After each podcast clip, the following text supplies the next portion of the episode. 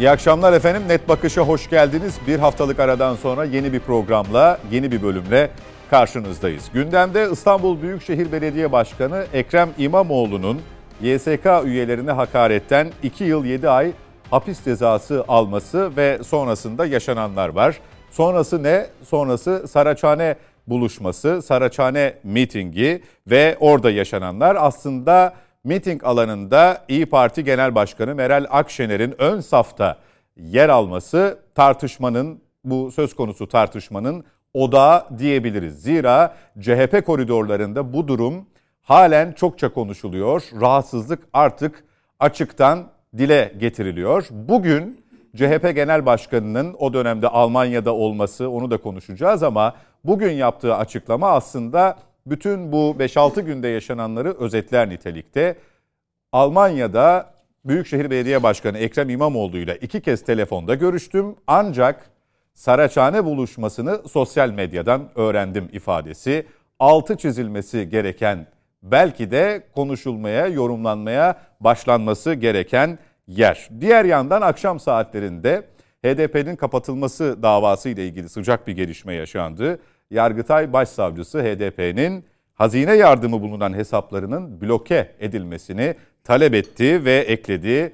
HDP'nin terör örgütüyle bağı, bağlantısı devam ediyor. Bu iki başlıkla başlayacağız. Siyasetin gündemi dediğimiz gibi çok sıcak ve e, o başlığı öne alacağız. Önce konuklarımı tanıtayım sizlere. Her hafta olduğu gibi Nedim Şener ve Mete Yarar bizimle birlikte. Hoş geldiniz Mete Bey. Çok Nedim Şener merhaba. merhaba.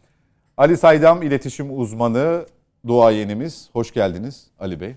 Hoş bulduk efendim, iyi yayınlar. Çok sağ olun. Konuğumuzsa Posta Gazetesi yazarı Sayın Oral Çalışlar. Hoş geldiniz Oral Bey. Hoş bulduk. Teşekkürler. Sizinle başlayayım.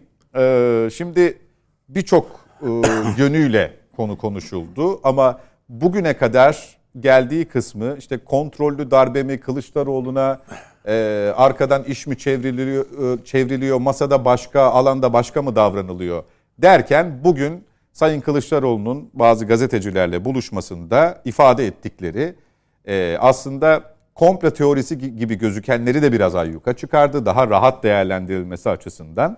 E, 16 milyon vurgusu, 85 milyon vurgusu, e, bir partinin iç işlerine bir başka partinin karışmaması gerekliliği, e, e, benim açılışta ifade ettiğim, benim Saraçhane buluşmasını sosyal medyadan öğrendim gerçeğini bugün açıkça ifade etmiş olması.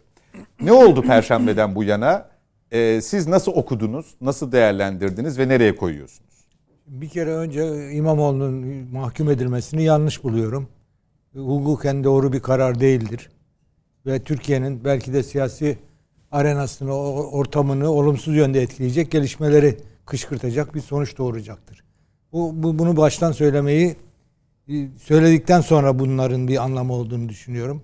Evet, e, İmamoğlu'nun mahkumiyeti almasıyla birlikte bir yeni siyasi ortam çıktı ortaya. Nedir? İşte iki önemli adaydı Cumhuriyet Halk Partisi açısından Kılıçdaroğlu ve İmamoğlu hangisi Cumhurbaşkanı adayı olsun tartışması sürüyordu. Bu tartışma sürerken Kılıçdaroğlu'nun e, İmamoğlu'nun mahkumiyet haberi geldi. Bu mahkumiyet tabii ki kesinleşmiş bir mahkumiyet olmadığı için e, ne zaman sonuçlanacağını bilemediğimiz için ne gibi sonuçların ve hangi zamanda hangi sonuçlara yol açacağını da söylemek kolay değil. Çünkü şöyle düşünülebilir. Diyelim ki İmamoğlu aday oldu. Seçimlere 3 gün kala mahkumiyeti kesinleşti. Adaylığı düşecek. Daha doğrusu ada şey diyor Yüksek Seçim Kurulu Başkanı. Adaylığı düşmez ama diyor mazbatasını alamaz kazansa bile. Çünkü diyor seçilmeye eğil olmadığı ortaya çıkmış olur.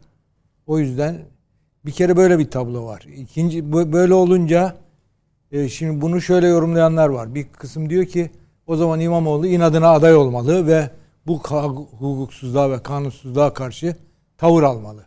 Toplumda, muhalefette. Bir fikir bu. Bir başka fikir ise artık aday olamaz. Bu çünkü riskli bir şey. Yani bütün muhalefet bir, bir ceza alma ihtimali olan bir adayı niye de, peşine düştüğüme desteklesin? Şimdi bütün bu tablo içinde e, bir de şeye bakmak lazım. Başından itibaren başkan adaylığı konusunda İyi Parti ile Kılıçdaroğlu arasında bir mesafe, bir mesele olduğunu az çok hissediyoruz. Açıktan zaman zaman ufak tefek açıklamalar yapılmış olmasına rağmen net bir şekilde Akşener demedi ki ben Kılıçdaroğlu'na karşıyım. O anlama gelecek şeyler söyledi ama açıktan söylemedi. Şimdi bu durumda ne olacak? Bu durumda olacak olan şey şu. Bir ak, e, başkan adayı kim olacak sorusu. Bence başkan adayı kim olacak sorusu artık Kılıçdaroğlu'nun aday olma ihtimali her zamankinden daha güçlü bir hale geldi. Çünkü şöyle bir şey düşünülebilir. Eğer Meral Akşener Kılıçdaroğlu mutlaka olmasın diyorsa ve bunda ısrar edecekse o zaman ne olacak? İki ihtimal var. Bir ihtimal Kılıçdaroğlu adaylığını koyar. Meral Akşener de diyelim ki Mansur Yavaş'ı aday gösterir. Bir böyle bir ihtimal var. İki Kılıçdaroğlu ceza kesinleşince diyorsun. Kesinleşince değil artık cezaya bırak... İmamoğlu'nu niye koymuyorsunuz potaya? İmamoğlu'na şundan koymuyorum. Ee, şimdi bu kararın verilmesinde rolü olan güçler İmamoğlu'nun mahkumiyetinde çünkü sonuçta bu, bu kararın son derece sorunlu bir karar olduğunu düşünüyorum. Bunu yapanlar şunu da yapabilirler.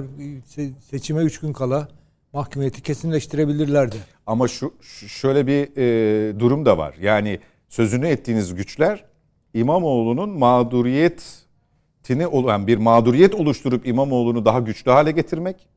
Zaten e, mahkeme kararı hani bozulacaktır daha istinafta Yargıtay'a gitmeden. Dolayısıyla adaylık süreci perçinlenmiş olacaktır. Bir başka durum sizin baktığınız yer e, İmamoğlu hiçbir şekilde aday olmasın. Bunu yargı eliyle engelleyelim. Siz buradan ilerliyorsunuz değil mi? Ben buradan ilerlemiyorum. Benim söylediğim şey şu. Kılıçdaroğlu İmamoğlu'nu mahkum eden siyasi irade. Ben siyasi irade mahkum. Ha siz evet tamam. Ma Kılıçdaroğlu İmamoğlu'nu mahkum eden siyasi irade sonunda e, eğer İmamoğlu'nun seçilmesine engel olmak istiyorsa e, seçimlerden önce onun cezasını kesinleşmesi. Üç gün kala dediğiniz kısım burası. Evet. Yani. Peki. Yani bu, bu ihtimal olduğuna göre böyle bir ihtimal yaşadığımız çünkü şey ilginç bir şey söyledi e, Almanya'dan döndükten sonra niye Almanya'ya gittiniz deyince dedi ki ya biz ceza verilmeyeceğini düşünüyorduk dedi. Berat bekliyorduk dedi. Kılıçdaroğlu hatırlarsanız. Yani öyle bir beklentileri varmış ve o beklentileri çıkmadı. O beklentiler çıkmadığına göre e, bundan sonraki aşamada davanın olumlu sonuçlanacağını kim iddia edebilir? Burada problem şu. E, şimdi iktidar muhalefet birlikte hareket edebilecek mi? Birlikte hareket edebilirce bir başarı sağlayabilirler. E, çünkü şöyle bir ihtimal var. Diyelim ki Meral Akşener karşı çıktı. Meral Akşener karşı çıkmasına rağmen Kılıçdaroğlu aday oldu. O zaman ne olur? HDP'nin oylarını da ilave et. Büyük ölçüde onların da Kılıçdaroğlu'na oy vereceği anlaşılıyor yapılan araştırmalardan. O zaman birinci, ikinci ve üçüncü üç aday ikinci tura kalır. Onunla ikinci olarak da Kılıçdaroğlu'yla Tayyip Erdoğan karşı karşıya gelirler. Böyle bir sonuç çıkar ortaya. Yani sonuçta masa da e, dağılır. Masa dağılmayabilir. Muhalefet cephesi İyi Partisiz. En azından fiilen diyorsun. İyi Partisiz gidebilir. Yani İyi Parti diyelim ki burada burayı terk etti. İyi Partisiz, İyi Parti kendisini aday gösterdi. Hmm. Masa 5'e düşer. Masa 5'e düşer. HDP destekler onu. O zaman o oran yüzde kırklık, kırkın üzerindeki oran yeniden ortaya çıkar. Peki. Ali Bey, e, siz ne düşünüyorsunuz? E, bir kere Almanya ziyaretini planlayanlarla bu işi neticesini planlayanlar aynı mı? Şimdi öyle gözüküyor. Fakat ben burada Devlet Bahçeli'nin analizini çok daha şey buluyorum yani. Daha e, daha akla yakın buluyorum. Hani çok uzatmadan ifade edecek olursak hani dedi ya e, Sultanahmet şey pardon Saraçhane darbesi Kılıçdaroğlu'na. Yani sizin söylediğiniz gibi Kılıçdaroğlu'nun haberim yok. Efendim ben olumlu, olumlu sonuçlanmasını so, bekliyordum. İşte e, beraat son, çıkması. Beraat çıkmasını şeyde de sordular. Ee, ertesi gün Türkiye geldiğinin ertesi günü sabah bir televizyon kanalına çıktı. Orada da sordular. Dediler ki Akşener gelirken aradı. Hayır o da aramadı. Şimdi bu bütün bu göstergeler bir araya geldiği zaman e, Kılıçdaroğlu'nun arzu hilafına bir harekat yapıldığı net. Yani bunu görmemek mümkün değil yani ortada. Yani Kılıçdaroğlu'nun emir komuta zincirinde olmadığı bir tarafa bir de onun haberdar edilmediği de ortada. Şimdi böyle bir şeyde belli ki e, bir de şunu soralım. Kim burada kaybeden, kim ve kazanan bunun sonunda? Bir de buna bakarlar hani. Değil mi? Çok basit Ya düşünmek da kime için. yarıyor? Kime ay sonunda bunu şeyi kim kazandı? Kim e, kim bu işin starı kimdi mesela? Böyle bir kısa film olsa bu şeyde başlasa 13.45'te mesela mesaj atıyor. Daha e, karar açıklanmamış. 13.45'te mesaj atıyor. Sonuç ne olursa olsun. Sonuç ne olursa olsun Saraçhane'ye bekliyorum diye mesaj atıyor. 15-20 dakika sonra gene sonucun açıklanmasına 2 saat kala 40 dakika sonra aşağı yukarı. Meral 40 Akşener. Meral Akşener diyor ki haydi ben de geliyorum diyor. Arkasından yani Oral kardeşimin net olarak ifade ettiği bir mahkumiyet kararı, bir dümen var diyor değil mi? Bir şey var, ir- siyasi iradenin kararı diyor falan. Oysa bu ortada bir yasal yasalar karşısında işlenmiş bir suç olduğu bakış açısı da var. Diyelim ki bir mağduriyet söz konusu olsa insan biraz yani mesela şeyin eşi öyle bir pek hüzünlüydü kızcağız yani. Ee, İmamoğlu'nun. İmamoğlu'nun Dilek. Hanım. Fakat İmamoğlu'yla Akşener birdenbire hayda kalktılar ayağa bir davul zurna eksik. Bir öpüşmeler, koklaşmalar, sarılmalar.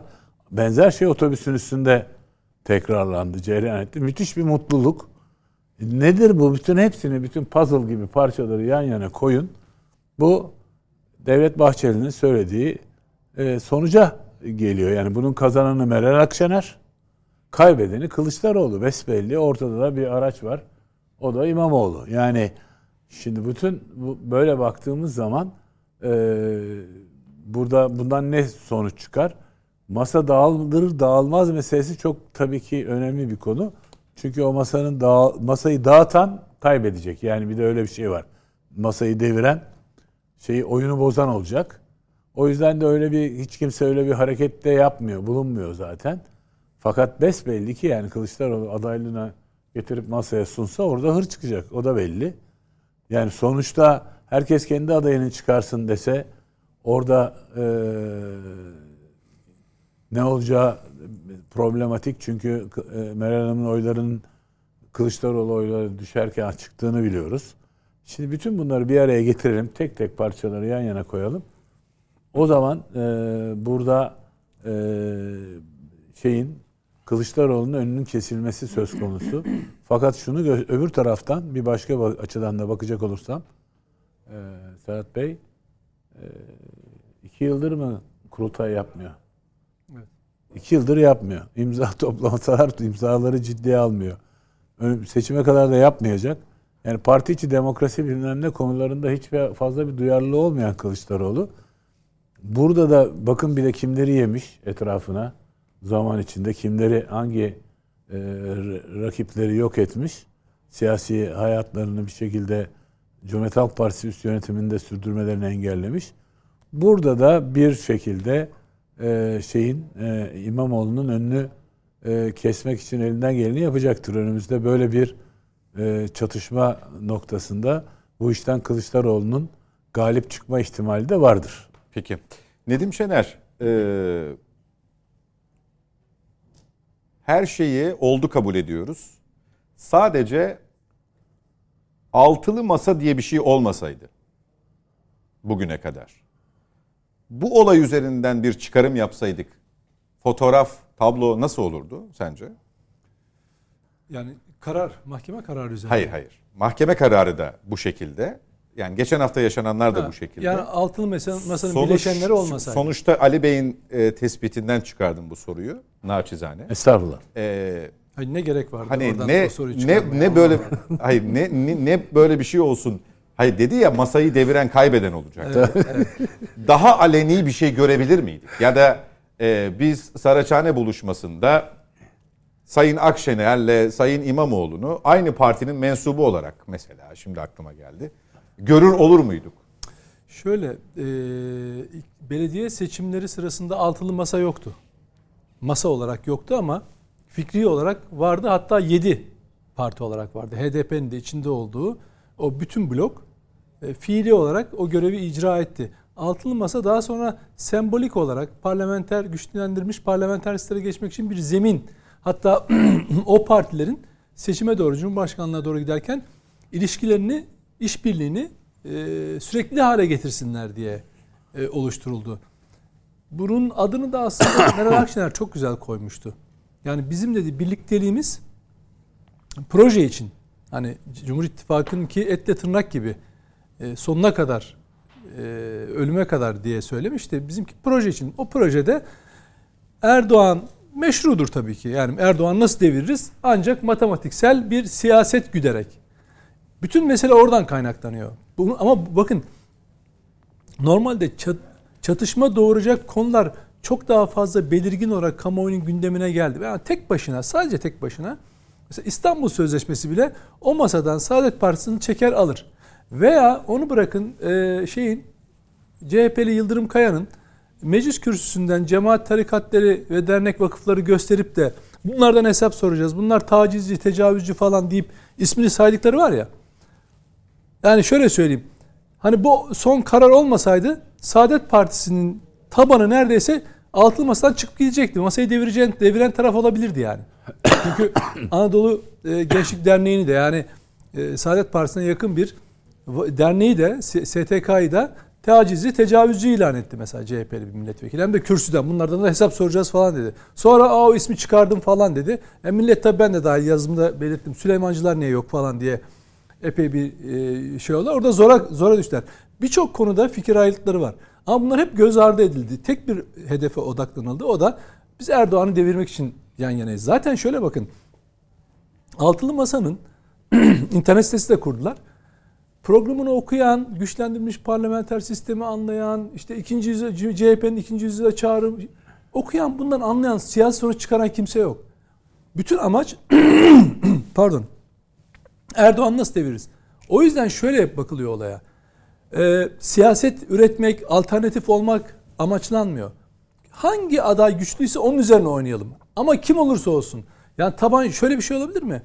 Mansur Yavaş'tan Kılıçdaroğlu'na bir yelpaze çiziyorlar. Ya kardeşim aralarında gerçekten kişilik farkları da var, siyasi farklar da var, görüş farklılıkları da var. Buna evet diyen buna nasıl evet der onu anlamıyorum. İmamoğlu'na evet diyen Mansur Yavaş'a nasıl evet der? Aslında siyaset yapan ya da siyasetten azıcık anlayan birisi bunun farkını görür. Ya da Mansur Yavaş'a evet diyen e, Kılıçdaroğlu'na evet der mi? Ama hedef sadece Erdoğan'ı devirmek üzerine kilitlendiği için böyle. Peki tamamını toplayalım. Altılı masanın üzerinden gidiyorsunuz madem. Yetiyor mu? Yani Erdoğan'ı devirmeye yetiyor mu? Yetmiyor. HDP var orada. Yani bütün bu konuştuklarımız İmamoğlu'su, Kılıçdaroğlu'su, Mansur Yavaş güçlendirilmiş parlamenter sistem dahil HDP'yi yok sayarak bir yere varabiliyor mu? Varamıyor. Adamlara diyor ki kardeşim adayınız diyor şunlar şunlar olmayacak diyor. Kim onlar? Mansur Yavaş'ta Meral Akşener olmayacak diyor. Hatta dikkat ederseniz Mansur yani Meral Akşener o kadar e, güçlü sarıldı ki İmamoğlu'na.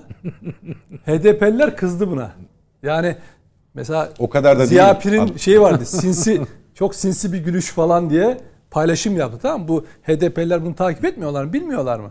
Yani İmamoğlu'nun HDP'liler gözünde aşağı düşüren unsurlardan bir tanesi Akşener'le ilişkisi.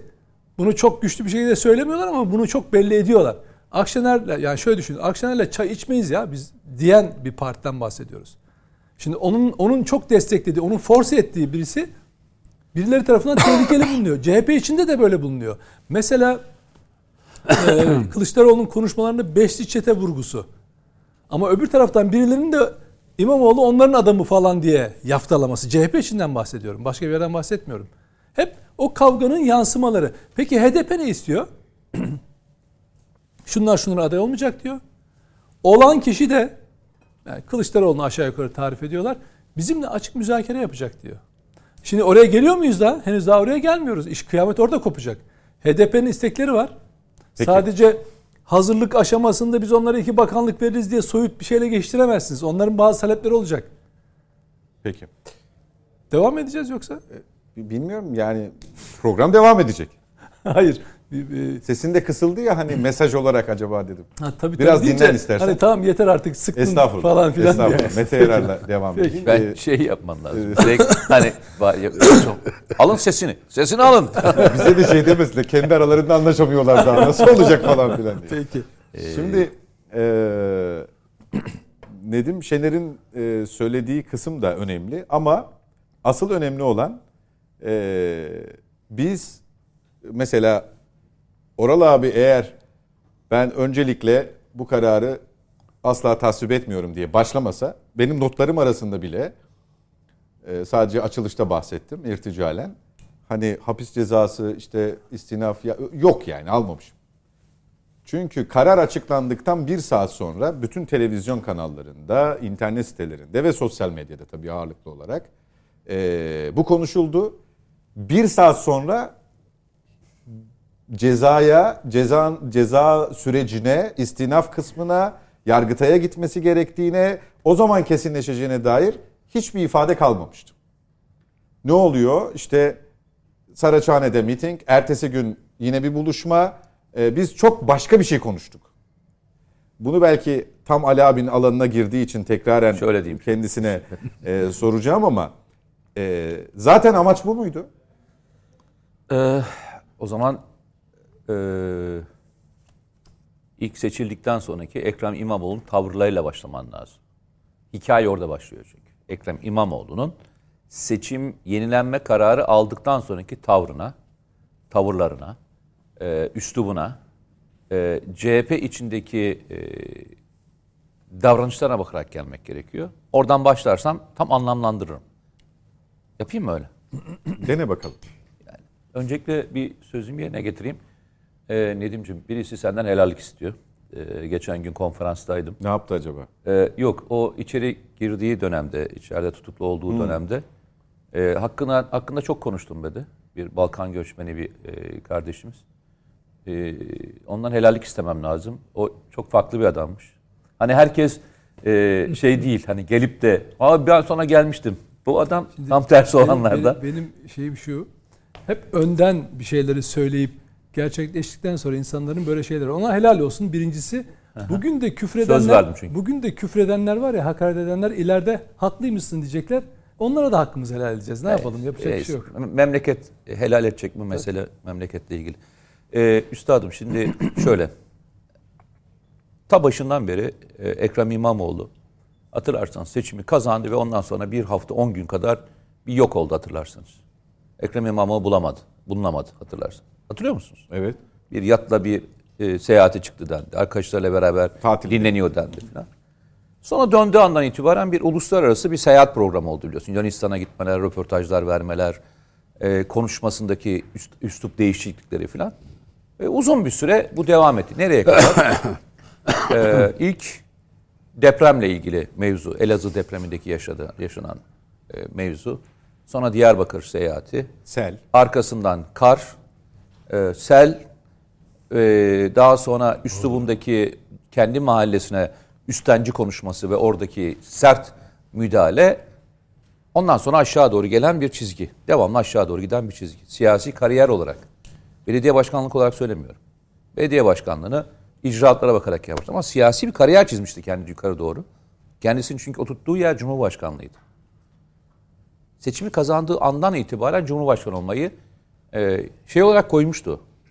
Yönelim olarak koymuştu. Üslubu da bunu gösteriyordu zaten.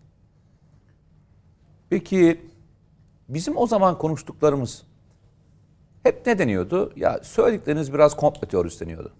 Meral Akşener'in İmamoğlu'yla tavrı, ona e, Rabbi esirler, Fatih, ikinci Fatih demeler, e, Nedim Şener'in bugünkü yazısı bir başka deyişle. Ama bu bugün söylen, söylenmedi ki.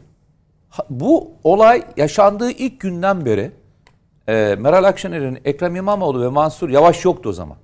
Ekrem İmamoğlu aşağı inince Mansur Yavaş yukarı doğru çıkartıldı. Çünkü o çizgisi aşağı doğru gittiği anlanınca kurtarılamayacağını anlaşıldı. Kurtarılamayacağı anlaşıldı. Yoksa Mansur Yavaş seçeneği e, Meral Akşener'in şeyinde yoktu. Çünkü aynı ekolden geliyor. Hiçbir siyasi parti lideri aynı ekolden gelen kendisinin üstüne birisini getirmek istemez. Aynı ekolden gel, geldiği için. Onun hep adayı Ekrem İmamoğlu'ydu. Başından beri Ekrem İmamoğlu Meral Akşener. Bu tavrın içerisinde Kılıçdaroğlu'nun da tavrını konuştuğumuzda herkes deniyordu ki ya arkadaşlar şey yapıyorsunuz. Yani e, CHP'nin içinde e, fitne mi sokmaya çalışıyorsunuz? Ya arkadaş fitne falan sokmaya çalışmıyoruz. Yani ortada e, bugüne kadar CHP'li belediye başkanlarının tavırlarını biliyoruz. Yani ilk defa CHP bir belediye belediye kazanmadı yani. Yıllarca İzmir Belediye Başkanlığından tut Antalya'sına kadar. Büyük şehirlerin zamanında farklı işte e, dönemlerde Mersin dahil olmak üzere birçoğunu kazandı. Gitti geldi. İstanbul'da eskiden de vardı ya. İstanbul Belediye Başkanlıkları da var. Hiçbirinde bu üslup görmedik. Bu üslubun farklı bir üslup olduğunu ve bunun Kemal Kılıçdaroğlu'nu rahatsız ettiğini hepimiz biliyorduk. Ama Kemal Kılıçdaroğlu'nun bir tarzı var. Sessiz güç. Planlıyor, icraatı yapıyor, masaya yatırıyor. Bir müddet sonra mefta yapıyor şeyi. Siyasi mefta haline getiriyor. Bir tarzı var. Kavga ederek yapmıyor. Kendisini pasifize ederek götürüyor. Bugün birçok kişi için yaşanan sürpriz olabilir. Ama demin senin saydığın manşetlik haberler. Saraçoğlu'ndan haberim yoktu. Şey, Saraç, Saraçhane. Saraçhane mitinginden haberim yoktu. E ama ben bir şey söyleyeyim sana. Büyükelçi görüşmelerden haberi var mıydı? Büyükelçi ziyaretlerinden haberi var mıydı? Ki olmadığını Diyarbakır Önce- seyahatinden haberi var mıydı? İngiliz Büyükelçiliği Karadeniz'e yoktu. gittiği seyahatten haberi var mıydı? Gazetecileri. Gazetecilere götürülmesinden haberi var mıydı? Ben sana onlarca haberi olmayan faaliyet sayarım. Yani niye Saraçhane'ye gidiyorsunuz ki? Çok uzun zamandan beri e, Ekrem İmamoğlu kendisiyle ilgili bir siyasi kariyeri kendine göre planlıyor. Bunun için kimseden belki şey diyebilirsiniz, icazet diyebilirsiniz ama siyasi bir kültürün içerisinde bunu yönetmek çok zordur. Bunu yapabilmeniz için çok iyi bir belediye başkanı olmanız lazım. Yani o kadar güçlü bir e, irade ve o kadar çalışkan olacaksınız ki önce 16 milyon arkanıza duruyor. 16 milyon hani öyle diyor ya. Yani Hiç açığınız olmayacak. açık olabilir ya her zaman Hayır, siyasi hayır. olarak. Yani Ama hizmet- siz o kadar çok çalışırsınız Hizmet ki. anlamında. O şimdi Aha, evet. çok tartışılıyor. Hayır, o anlamda. Her şeyi bırakalım. İstanbul ne halde diye bir başlık açalım diye oluyor ya sohbetler. Ee, o yüzden Ya onu söylüyorum. Siz öyle bir şey yaparsınız ki insanlar size siyasi kariyeri size önünüze açar. Ya der ki ne diyorsunuz kardeşim? Adam geldiği günden beri İstanbul şeklini değiştirdi dersiniz. O bir siyasi oluşum olarak gider. Hikayenin kendisi İstanbul şehri değil. İstanbul şehrinde başarılı olan belediye başkanları hikaye yazıyor. İstanbul hikaye yazmıyor.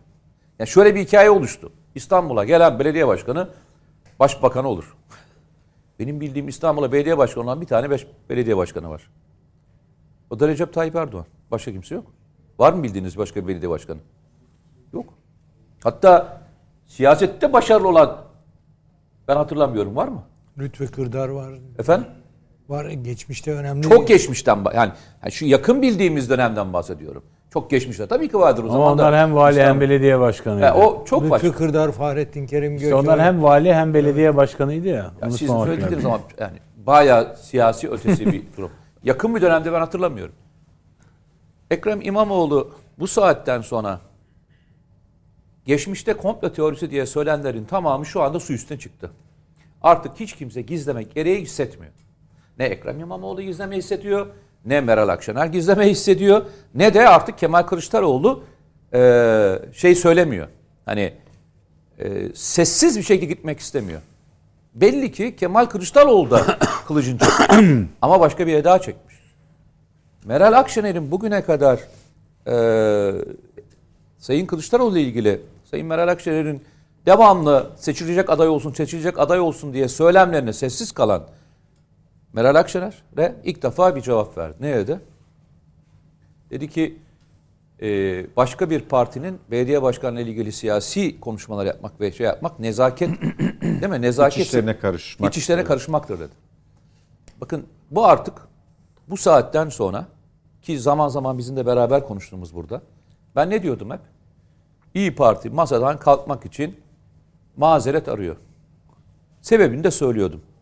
İyi Parti sahaya girdiğinde kendisine gelecek olan oyların engellendiği yer olarak HDP ile şeyi görüyor. CHP'yi görüyor. İkisinin işbirliği kendisinin 20 bandına çıkmasını engellediğini düşünüyor. Böyle bir tespiti var. Böyle bir tespiti var. Ve bu tespitinde de kendisine göre haklı olabilir. Bugün geldiği nokta artık bunu gösteriyor. Ben iddialı bir şey söyleyeceğim. Yani e, bu seçeneklerden bir tanesi artık çok daha belirgin olacağını düşünüyorum. Bence e, İyi Parti ittifakın içerisinde seçime girmeyecek. Yani daha önce de söylemiştik. Millet. İttifakın, Millet İttifakı'nın içerisinde ben seçime gireceğini düşünmüyorum. Kendi başına seçime gireceğini düşünüyorum. Kendi başına seçime gireceğini düşünüyorum. Son anda mı yapacak bunu? Yo daha e, şey var, zaman var. Yani Cumhurbaşkanlığı adaylığını açıklamamış bir partiler yani ittifak e, metodundan metodu daha geride gelir. O iki dakikalık iş. Ama benim gördüğüm yer oraya doğru gidiyor. Altılı masada kalabilir. Bakın bir kez daha söylüyorum. Yani çünkü orada e, şeyin hesap keseceği, fatura keseceği, seçmenin fatura keseceği yer aslında Cumhurbaşkanlığı masasından kalkmasına kızar. Evet. Yani ona kızar toplum. Ama kendi başına siyasi olarak bir yol çizmesine bir şey demez. Ama kendi başına gitmesine bir şey demeyeceğini kendisi de farkında. O yüzden Millet İttifakı içinden Neden? ayrılabilir. Şu an e, bu rüzgar yakalanmışken e, Meral Hanım ben kalkıyorum dese İmamoğlu da zaten Şimdi- yanında. şimdi şöyle- ne olur bu seçmen Şimdi şöyle söyleyeyim. Ee, seçim Mesela kararı CHP seçmeninde şöyle- nasıl şöyle yansır bu? seçim kararı alınmadan, seçim kararı alınmadan hiçbir siyasi parti elini göstermez. Yani tarih belirlenmeden, değil mi? Yanlış mı söylüyorum? Evet evet. Seçim kararı derken? Aday zaman, Yüksek hayır, Seçim zaman Kurulu- Yüksek Seçim Kurulu Ha, seçim dönemini açacak ya diyecek Kes- ya. takvim belli Takvim belirleyecek. Tamam, tamam. Takvim belirledi belirlenmeden böyle bir el açmayı şimdiden yapacağını zannetmiyorum. Belirlendiği andan itibaren ben İyi Parti'nin e, yol haritasını kendisine göre çizeceğini ve bunun da kimse tarafından çok da rahatsızlık görmeyeceğini düşünüyorum. Genel tabloyu da öyle görüyor, okuyorum. Ama altılı masada kalacağım diyecektir. Bir şey soracağım. Milletvekili seçimleri için mi söylüyorsun Evet, bunu? milletvekili seçimleri. Ha ittifak yapmadan. Tabii, tabii, kendi başına. Oysa Cumhurbaşkanlığında ise Altılı ittifakın içinde kalacak. evet. Bu mantık. Çünkü sahada e, gezerken en çok e, kendilerine laf söylenen yer belediye başkanlarının da pardon E, belediye HDP başkanı diyorum. İl başkanlarında sahada anlatmakta en çok zorlandıkları konu o. Yani gelen şikayetler ve diğerleri yukarı doğru yansıyor. Ve farkındaysanız ne yaparsa yapsınlar e, işte zaman zaman işte yeni e, danışman olarak atandı Turan Çömez. Yok efendim e, birkaç genel başkan yardımcısı HDP'ye sıcak mesajlar verse de aslında hiçbir şekilde aynı noktada bulaşamayacakları çok net bir tabloda. Oradan bir şey gelmeyecek. Bu zararı da yüklenmek istemeyecektir. Altılı masa hariç. Şimdi gelelim asıl mevzuya. Ekrem İmamoğlu'nun siyasi kariyeri ne olacak? Çünkü bu kavganın asıl odağında kalan ve arada kalacak olan o.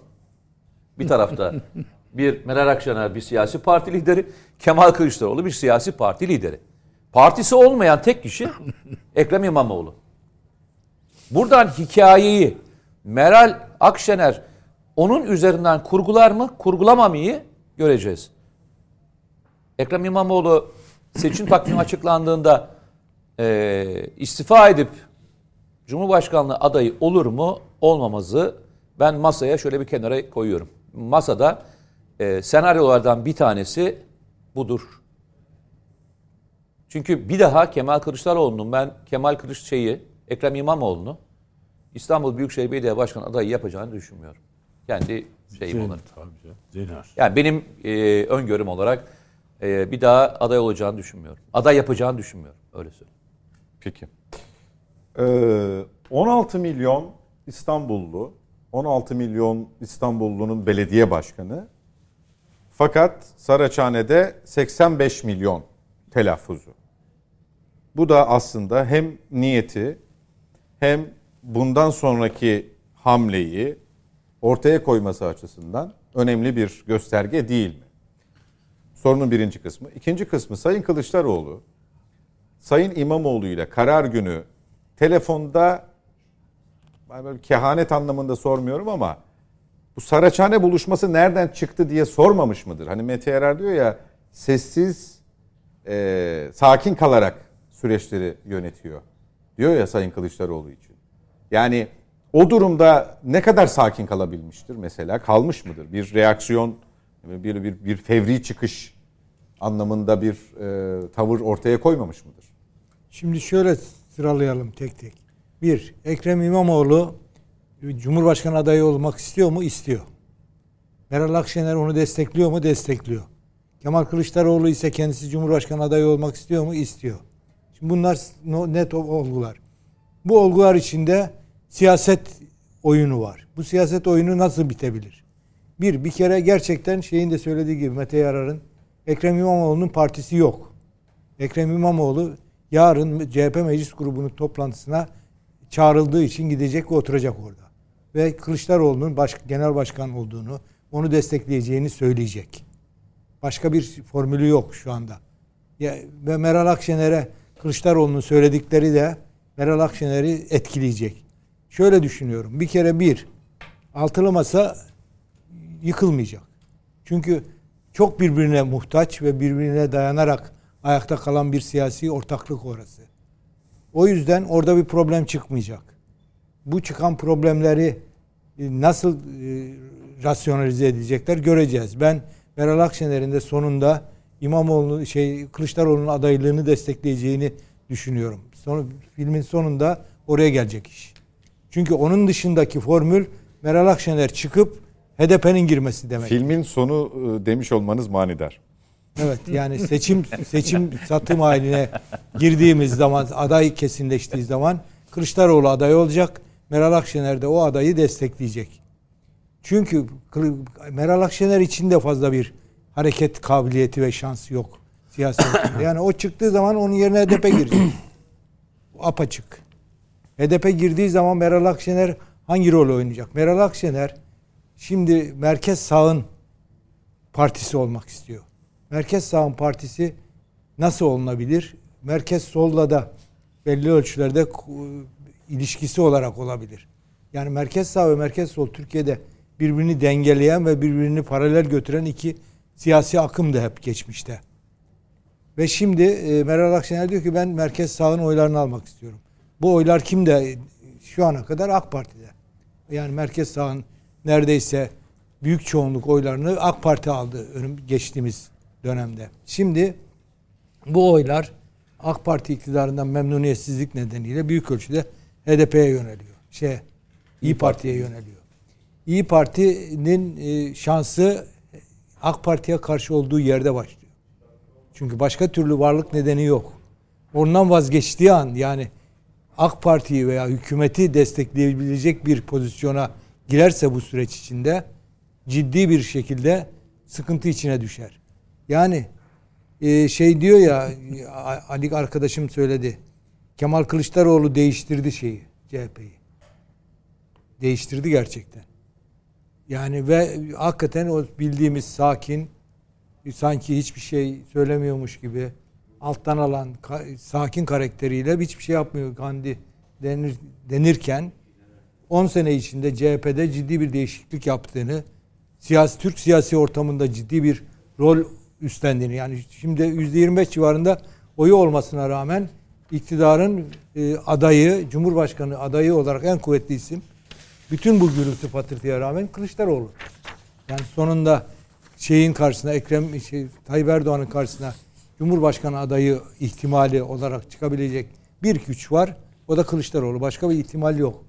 Var olan ihtimallerin hepsi kayıpla sonuçlanacak ihtimaller. Mesela e, İmamoğlu nasıl aday olabilir? CHP'ye rağmen. CHP'ye rağmen aday olamaz. CHP'ye rağmen aday olamadığı zaman da hiçbir zaman aday olamaz. Bir kere onun üstü çizilmiştir. Bitti o hikaye. Kılıçdaroğlu aday olacak. Kılıçdaroğlu'nun adaylığı da İyi Parti açısından şöyle bir problem var. Ya Kılıçdaroğlu'nu destekleyecekler ya çıkacaklar şeyden, ittifaktan. Çıktığı zaman nereye gider? Yani dediğim gibi Mansur Yavaş'a aday gösterirse yüzde beş oy alır. Sonuç şöyle söyleyeyim. Siz gerçekten öyle mi düşünüyorsunuz? %5 oy alacağını düşünüyorsunuz. Ben burada daha fazla oy alabileceğini zannetmiyorum. Yani o zaman Ha, şöyle diyorsunuz Kemal Kılıçdaroğlu'yla 3 aday çıksa Kemal Kılıçdaroğlu, Mansur Yavaş, Tayyip Erdoğan çıktı. Siz %5'i şeye mi veriyorsunuz? %5 Mansur Yavaş alabilir. Daha fazla alamaz. Yani çünkü şöyle bir kazanma ihtimali üzerine oy verecek insanlar.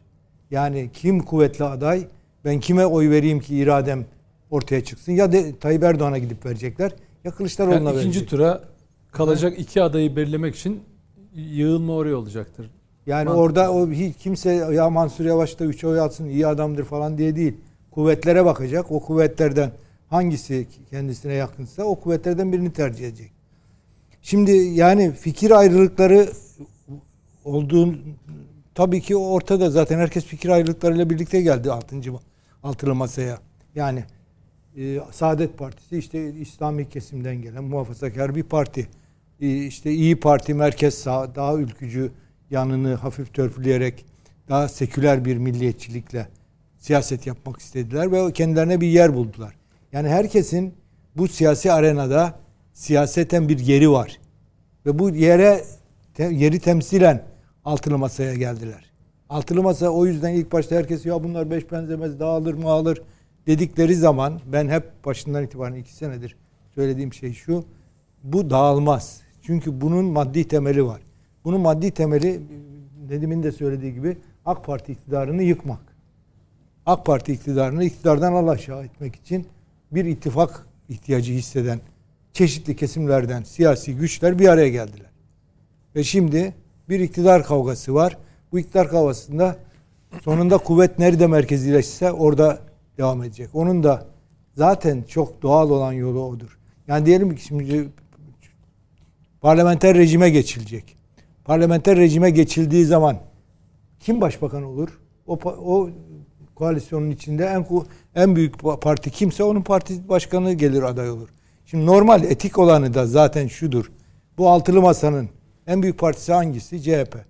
CHP'nin genel başkanı doğal olarak bu Cumhurbaşkanlığı adayının bir numaralı adayı olması gerekir. Do- doğru olanı bu. Bu bizim ma- manasız yere işte İmamoğlu çıkar mı? Meral Akşener onu destekler mi falan. Bütün bunların sonunda hayatın gerçekleri karşısında sona ereceğini ve normal yolun Kılıçdaroğlu ile Erdoğan'ın Türkiye'de yeniden Cumhurbaşkanlığı seçiminde yarışacaklarını bu yarışı da hep birlikte izleyeceğimizi düşünüyorum. Bütün bunları niye yaşıyoruz o zaman diye de bir e, soru E, geliyor. yani şimdi şöyle altılı masa niye kuruldu? AK Parti iktidarına karşı bir muhalefet cephesi. Zaten. Meral Akşener söyledi. Biz dedi bir proje için geldik. Yani söyledi yani bizim projemiz e, Erdoğan'ı iktidardan Tabii, uzaklaştırmak tabii dedi. yani söyledi yani. Zaten muhalefet Ya niye var? gizli bir şey değil yani. Muhalefet niye var zaten? Tabii muhalefet iktidarı yıkmak için var. Tabii. İktidarı yıkmak için ittifak yapıyor. O, o, o mücadeleyi sürdürecek. Onu terk ettiği zaman varlık nedeni tartışmaya konusu olur. Niye girdin kardeşim sen bu işin içine derler. Ondan sonra da bir kenara atarlar. Bu yolculuk yani Meral Akşener'in zannedildiği gibi çok ciddi bir hareket kabiliyeti yok.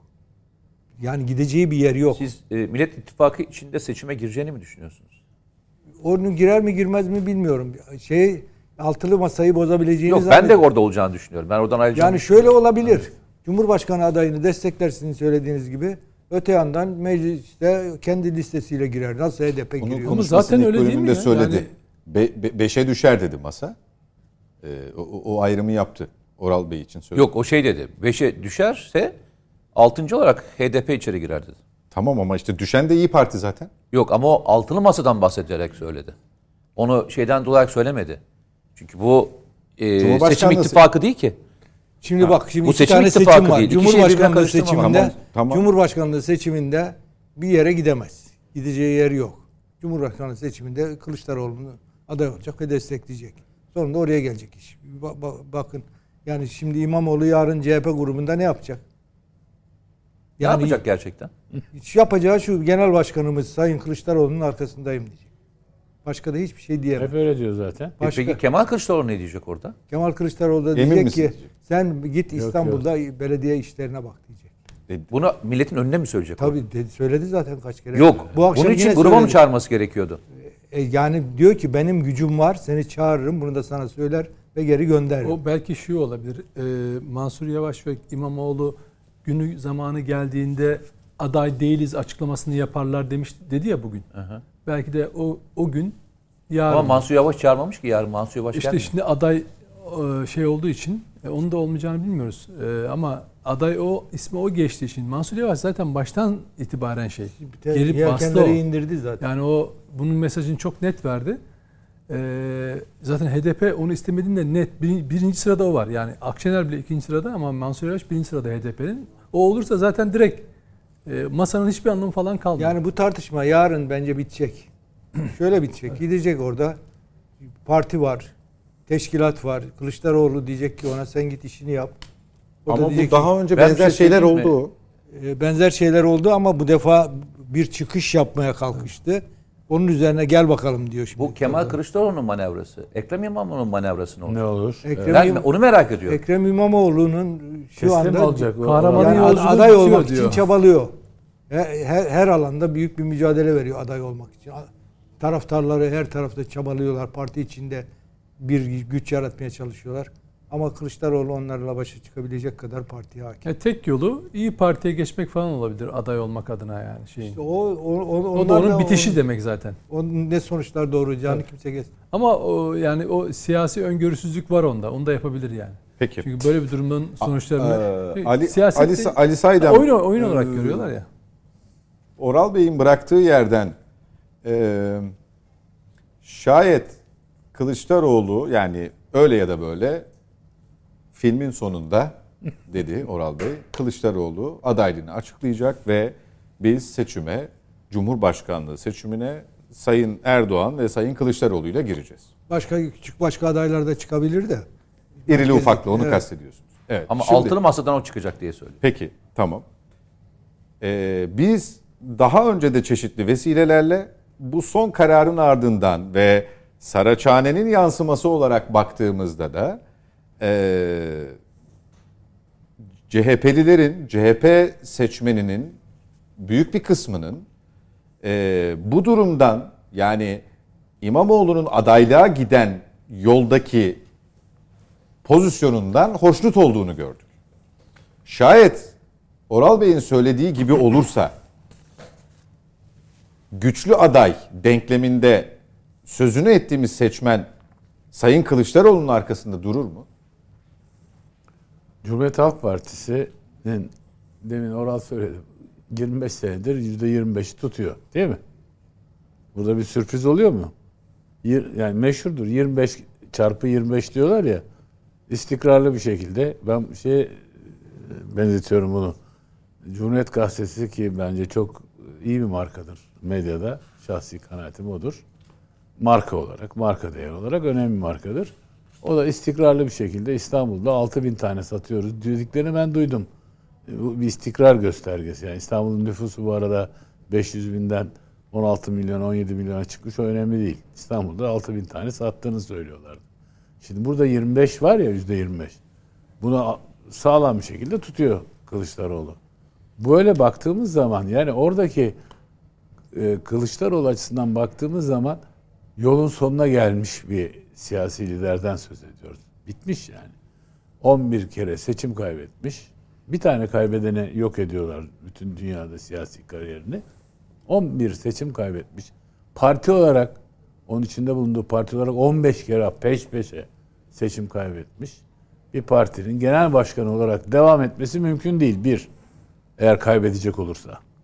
İki, aday olmayıp başkasını aday yapacak olursa zaten geçmişte iki tane böyle vukuatı var. Doğru mu?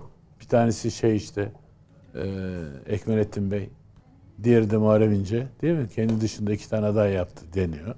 O, o nedenle bunun için her türlü yolu deneyecektir.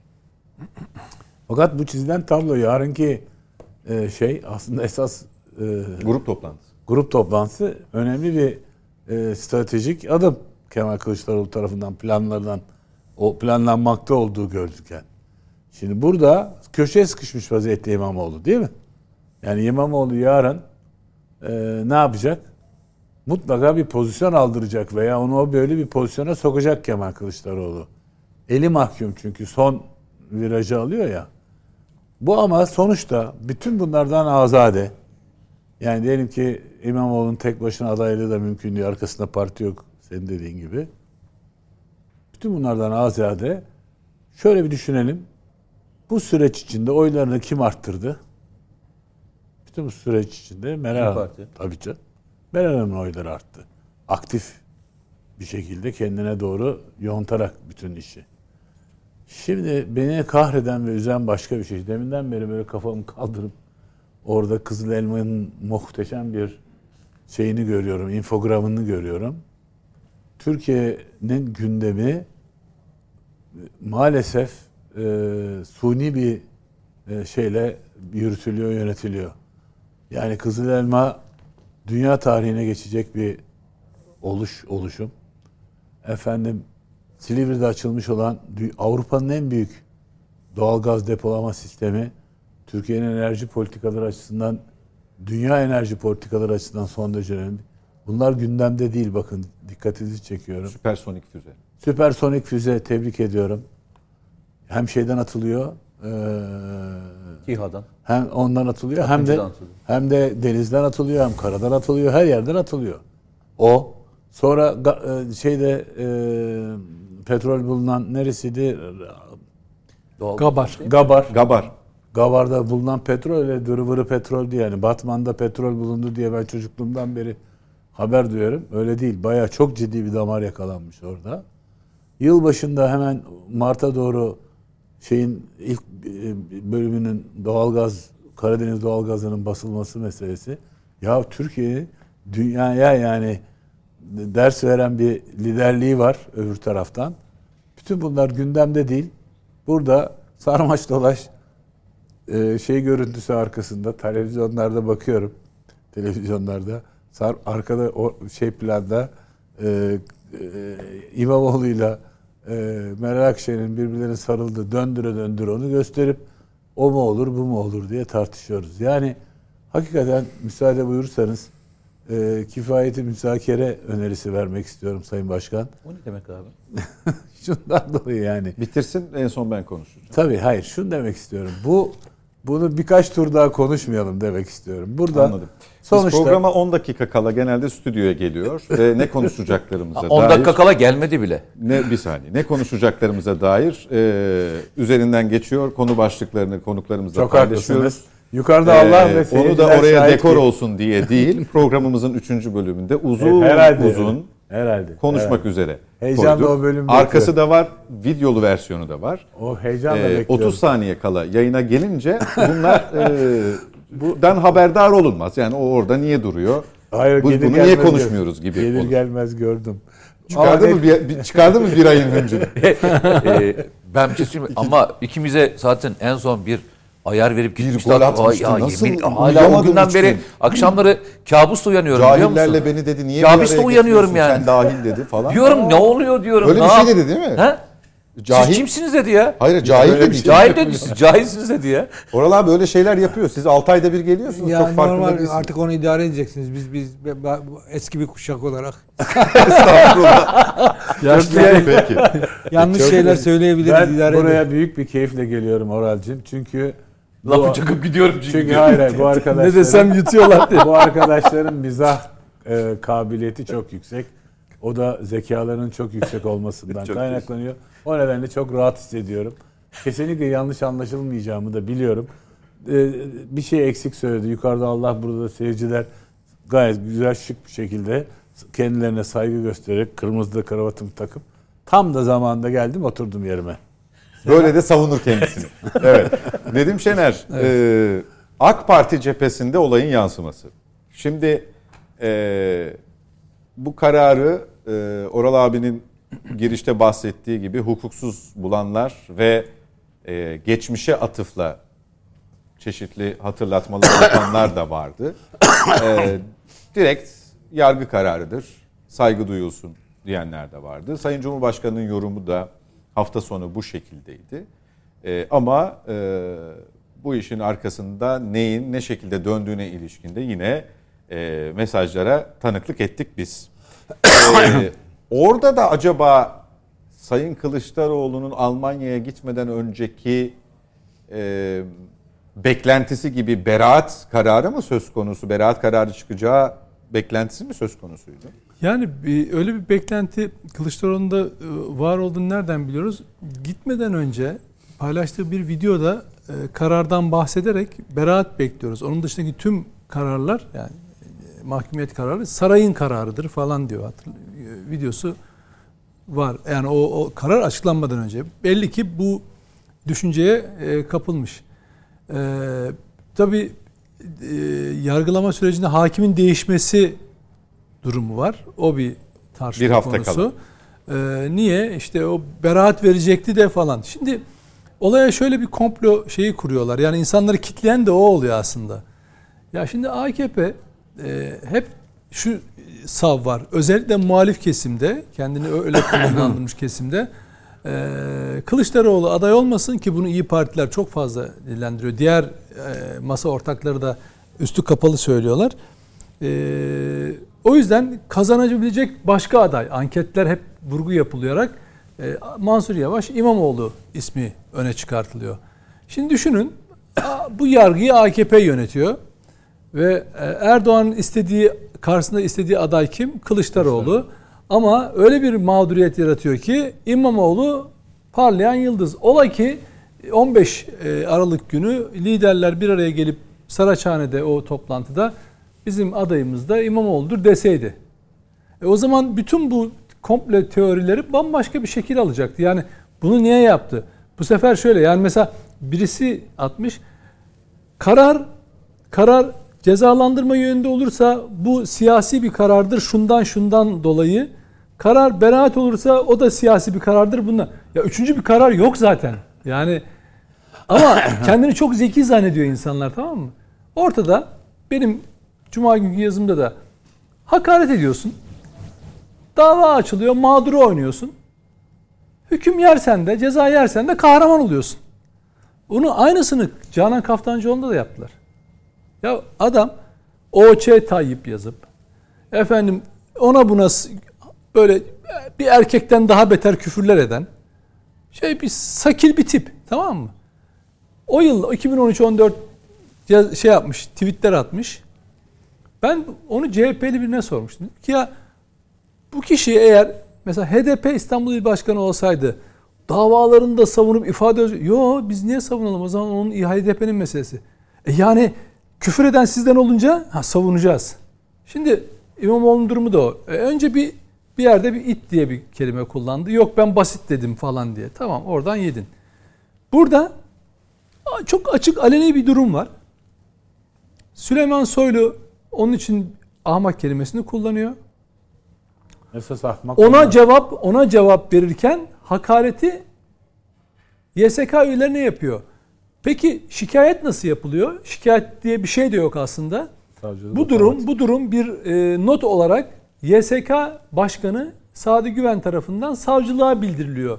Müşteki olarak da yer almıyor YSK üyeleri. Savcılık soruşturma yapıyor. Bu küfür ya da bu hakaret kime yapılmıştır? Bakıyor. gör- gö- görünüyor yani kimseyi kimsenin aptal yerine koyması gerek yok. Yani 3 tane hukukçu rapor hazırlamış. Ne yaparsan yap. Yani istersen 333 tane hukukçu yan yana gelsin. Şu okuduğunu anlayan bir insan şey yapmaz. Yani ben bilirkişi raporu çok gördüm hayatımda. Gerek yok. Yani görünüyor çünkü.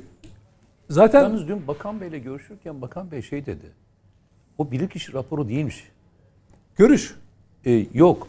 Yani Ee, şeyin e, Ekrem İmamoğlu avukatlarının e, üzerine görüş, hukuki yok, mütalaa kendi ya. hukuk, hukuki mütalaası Mütalaa. olarak sundukları bir Aynen, şeymiş. yani- bilirkişi de değilmiş. Ben Bilirkişi ya mahkemenin Dün atadığı bilirkişi Süleyman değil. Soylu böyle anlattı Ya ama mahkeme tabii tabii mahkemenin ben mesela bilirkişi diye biliyordum. Ama öyle sa- sattılar piyasaya. Yani algı o kadar şey ki hani iş beraate gitsin falan filan diye. Ee, şimdi tanıklar var mesela. Evet diyor ki Soylu'ya cevap ver, verirken bunları söyledi. Tamam cevabı Soylu'ya veriyorsun da hakareti kime ettiğin belli. Şimdi buradan sonra şey e, ceza geliyor ve sen kahraman oluyorsun. E Kaftancıoğlu da öyle oldu. Ya kardeşim ben diyorum ki bak bir örnek verebilir miyim müsaade ederseniz? Tabii ki. Ben yargılanırken Ergenekon gibi terör örgütü üyesi olarak yargılanırken isnat edilen suçlama Hanife Avcı'nın kitabını yazmak, Ahmet Şık'ın kitabını yazmaktı. Ben de Zekeriya Öz isimli FETÖ'cü savcıya ifade verirken asla bir katkım olmadığını, kitapların yazıldığının haberin bile olmadığını söyledim. Bunu da Nurcan Bayraktar, Köksal Bayraktar ve Şehnaz Yüzer avukatlarımın huzurunda söyledim. Cezaevine ziyarete geldi Köksal Hoca. Profesör, hukukçu. Tamam mı? Saygın bir isim. Ben dedim ki lütfen iddianame çıkmadan benim avukatlığımı almayın. Niye? Dedim ki sizin huzurunuzda bir e, savcıya FETÖ'cü de olsa bir şey söyledim. Ben dedim ki bu kitaplara yazımına katkı yapmadım. Ama ola ki delil, ben bir yalan söylemiş olabilirim. İddianamede bütün delilleri görmeden benim doğru söyleyip söylemediğimi biliyor musunuz? Bilmiyorsunuz. Benim yanımda yoktunuz. O yüzden ben ondan değil ama sizin yanınızda yalan söylemiş olmaktan utanırım. Bir FETÖ'cüye karşı dahi olsa sizin huzurunuzda yalan. O zaman benim dedim siz benim bir e, kitap yazmak gibi basit bir fiilimi değil ya da onların isnat ettiği gibi bir terör suçumu değil. Bunları bunları savunmanızı da istemiyorum çünkü böyle bir delil yok. Ama iddianame çıkmadan bunu emin olamazsınız. O yüzden siz benim masumiyetimi savunun. Diyeceksiniz ki Nedim Şener'in bırakın e, katkı yapmayı haberi bile olmadığını bütün deliller gösterecek. O olmadan yani o çıkmadan ortaya buna emin olamazsınız. Gerçekten geldikten sonra evet haklısınız. Hiçbir şey yok. Hak yani siz de Şimdi burada söylenmiş sözler var. Kardeşim şu ben şunu anlayamıyorum. Bu sürü psikolojisini. Bizim adamımız hakaret ederse, küfür ederse iyi. Ya partizanlık bu kadar mı gözünü karartıyor? Orada da Sadi Güven, Sadi Güven kim? Bu bildirimi yapan savcılığa. Ekrem İmamoğlu'nun seçildiği o ilk seçimin iptal kararı verildiğinde şerh koyan dört kişiden birisi. Yani bu seçimde hile yoktur diyen dört hakimden bir tanesi Sadi Güven. Ama hakarete uğrayan heyet adına da gidip bildirimi yapan başvuran. da o, başvuran da o. Yani şimdi orada da kime söylendiği belli. Şimdi olay o noktada bakın ceza kısmı bana göre hukuken hiçbir şey yok. Hukuki bir karardır. Ama olay şu, öyle bir siyasallaştırıldı ki ondan sonra başsavcılığın işte bir e, tutum dilekçesi, istinaftan döner yorumları, yok Yargıtay'dan döner bilmem ne olur. Artık iş tamamen siyasallaştı. Ya bu saatten sonra artık ben şunu düşünebilirim artık. Yani bu saatten sonra e, İmamoğlu'nun kararı bozulur döner. Yargılaması iyice uzar gider. Zaman aşımına kadar gider bu iş. Ya da istinafta bozulur. Orada olmazsa ya 3 3 defa 3 noktada bozulma ihtimali var tamam mı? Peki. Ve mutlaka da bozulur ve iş ben şunu anlarım. İş siyasallaşmıştır artık. Yani hukuki şey falan çıkmıştır. Boyutundan çıkmıştır. Sonucu ne olursa olsun. Sonra, bence öyle. Peki. Ara vakti efendim. Reklama gittikten sonra dönüşte devam edeceğiz. Bizden ayrılmayın. Yeniden birlikteyiz. Aranın ardından devam ediyoruz. İmamoğlu kararı e, hukuki bir karar tabii ki ama siyasi yansımaları oldukça fazla. E, siyaset gündeminde de sadece bu konu konuşulduğu için e, hatta ve hatta ülke gerçeklerine dair Ali Saydam'ın e, sisteminden hareketle birçok gelişme son bir hafta 10 günde yaşanmasına rağmen e, bu konu onları, o, o gelişmeleri perdelediği için bununla yoğruluyoruz biz de. E, konuşmaya devam ediyoruz. Nedim Şener araya gitmeden önce e, bu işin e, hukuki sonucu ne olursa olsun yansımaları da 2023 seçimine dair netliği de aslında siyasi e, olacak ve biz bunu o mertebeden, seviyeden konuşmaya devam edeceğiz dedin. Peki e,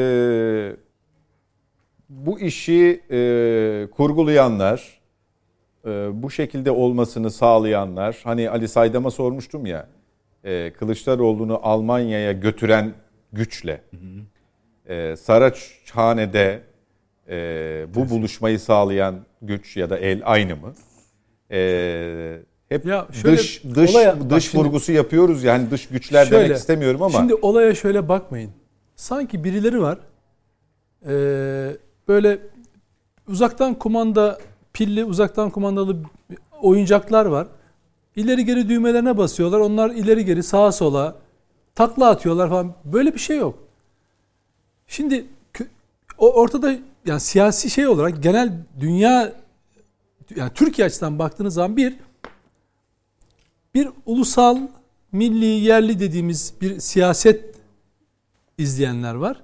Bir de bununla beraber yine bu kavramları da kullanıyorlar ama yüzünü küreselcilere dönmüş. Yani Amerika, Avrupa, İngiltere gibi ülkelere dönmüş. O küresel sistemin e, merkezine dönmüş bir siyasi kutup var. Altılı masa böyle bir şey. Altılı masa bunu tarif ediyor. Bakın aday potansiyeli taşıyan işte Kılıçdaroğlu'nun ve İmamoğlu'nun e, yüzünü döndüğü yer hep o taraf. Küreselci sistem. Küreselci sistemin karşı olduğu, istemediği kişi Erdoğan. Bakın Guardian gazetesi diyor ki Erdoğan bir daha seçilmeyi hak etmiyor diyor. Ya biz mesela İngiliz Başbakanı şu olmalı, bir daha seçilmemeli mesela Boris Johnson bir daha Londra Senin köprüsünden mi? geçmemeli diyebilir Abi miyiz senin mesela? haddine mi? Efendim? Senin haddine mi? Yok Ya da- sen dersin de kimse Ya da. Scholz, mesela Scholz, Scholz bir daha Berlin'e uğramasın falan mesela diyebilir miyiz ya Almanya'da mesela diyebilir miyiz? Ya da Biden ne iş var ya seçilmesin falan ama Guardian uzun bacaklı İngiliz ne yapıyor?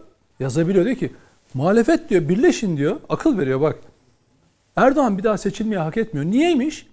Suriye operasyonu varmış. Avrupa Birliği ilişkilerini e, götüremiyormuş. Ege meselesinde saldırgan tavır varmış falan filan. Bunlar Türkiye'nin şu anda o milli yerli dediğimiz ulusal çizgide izlediği politikaların eleştirisi. Karşı taraf ne diyor? Kılıçdaroğlu.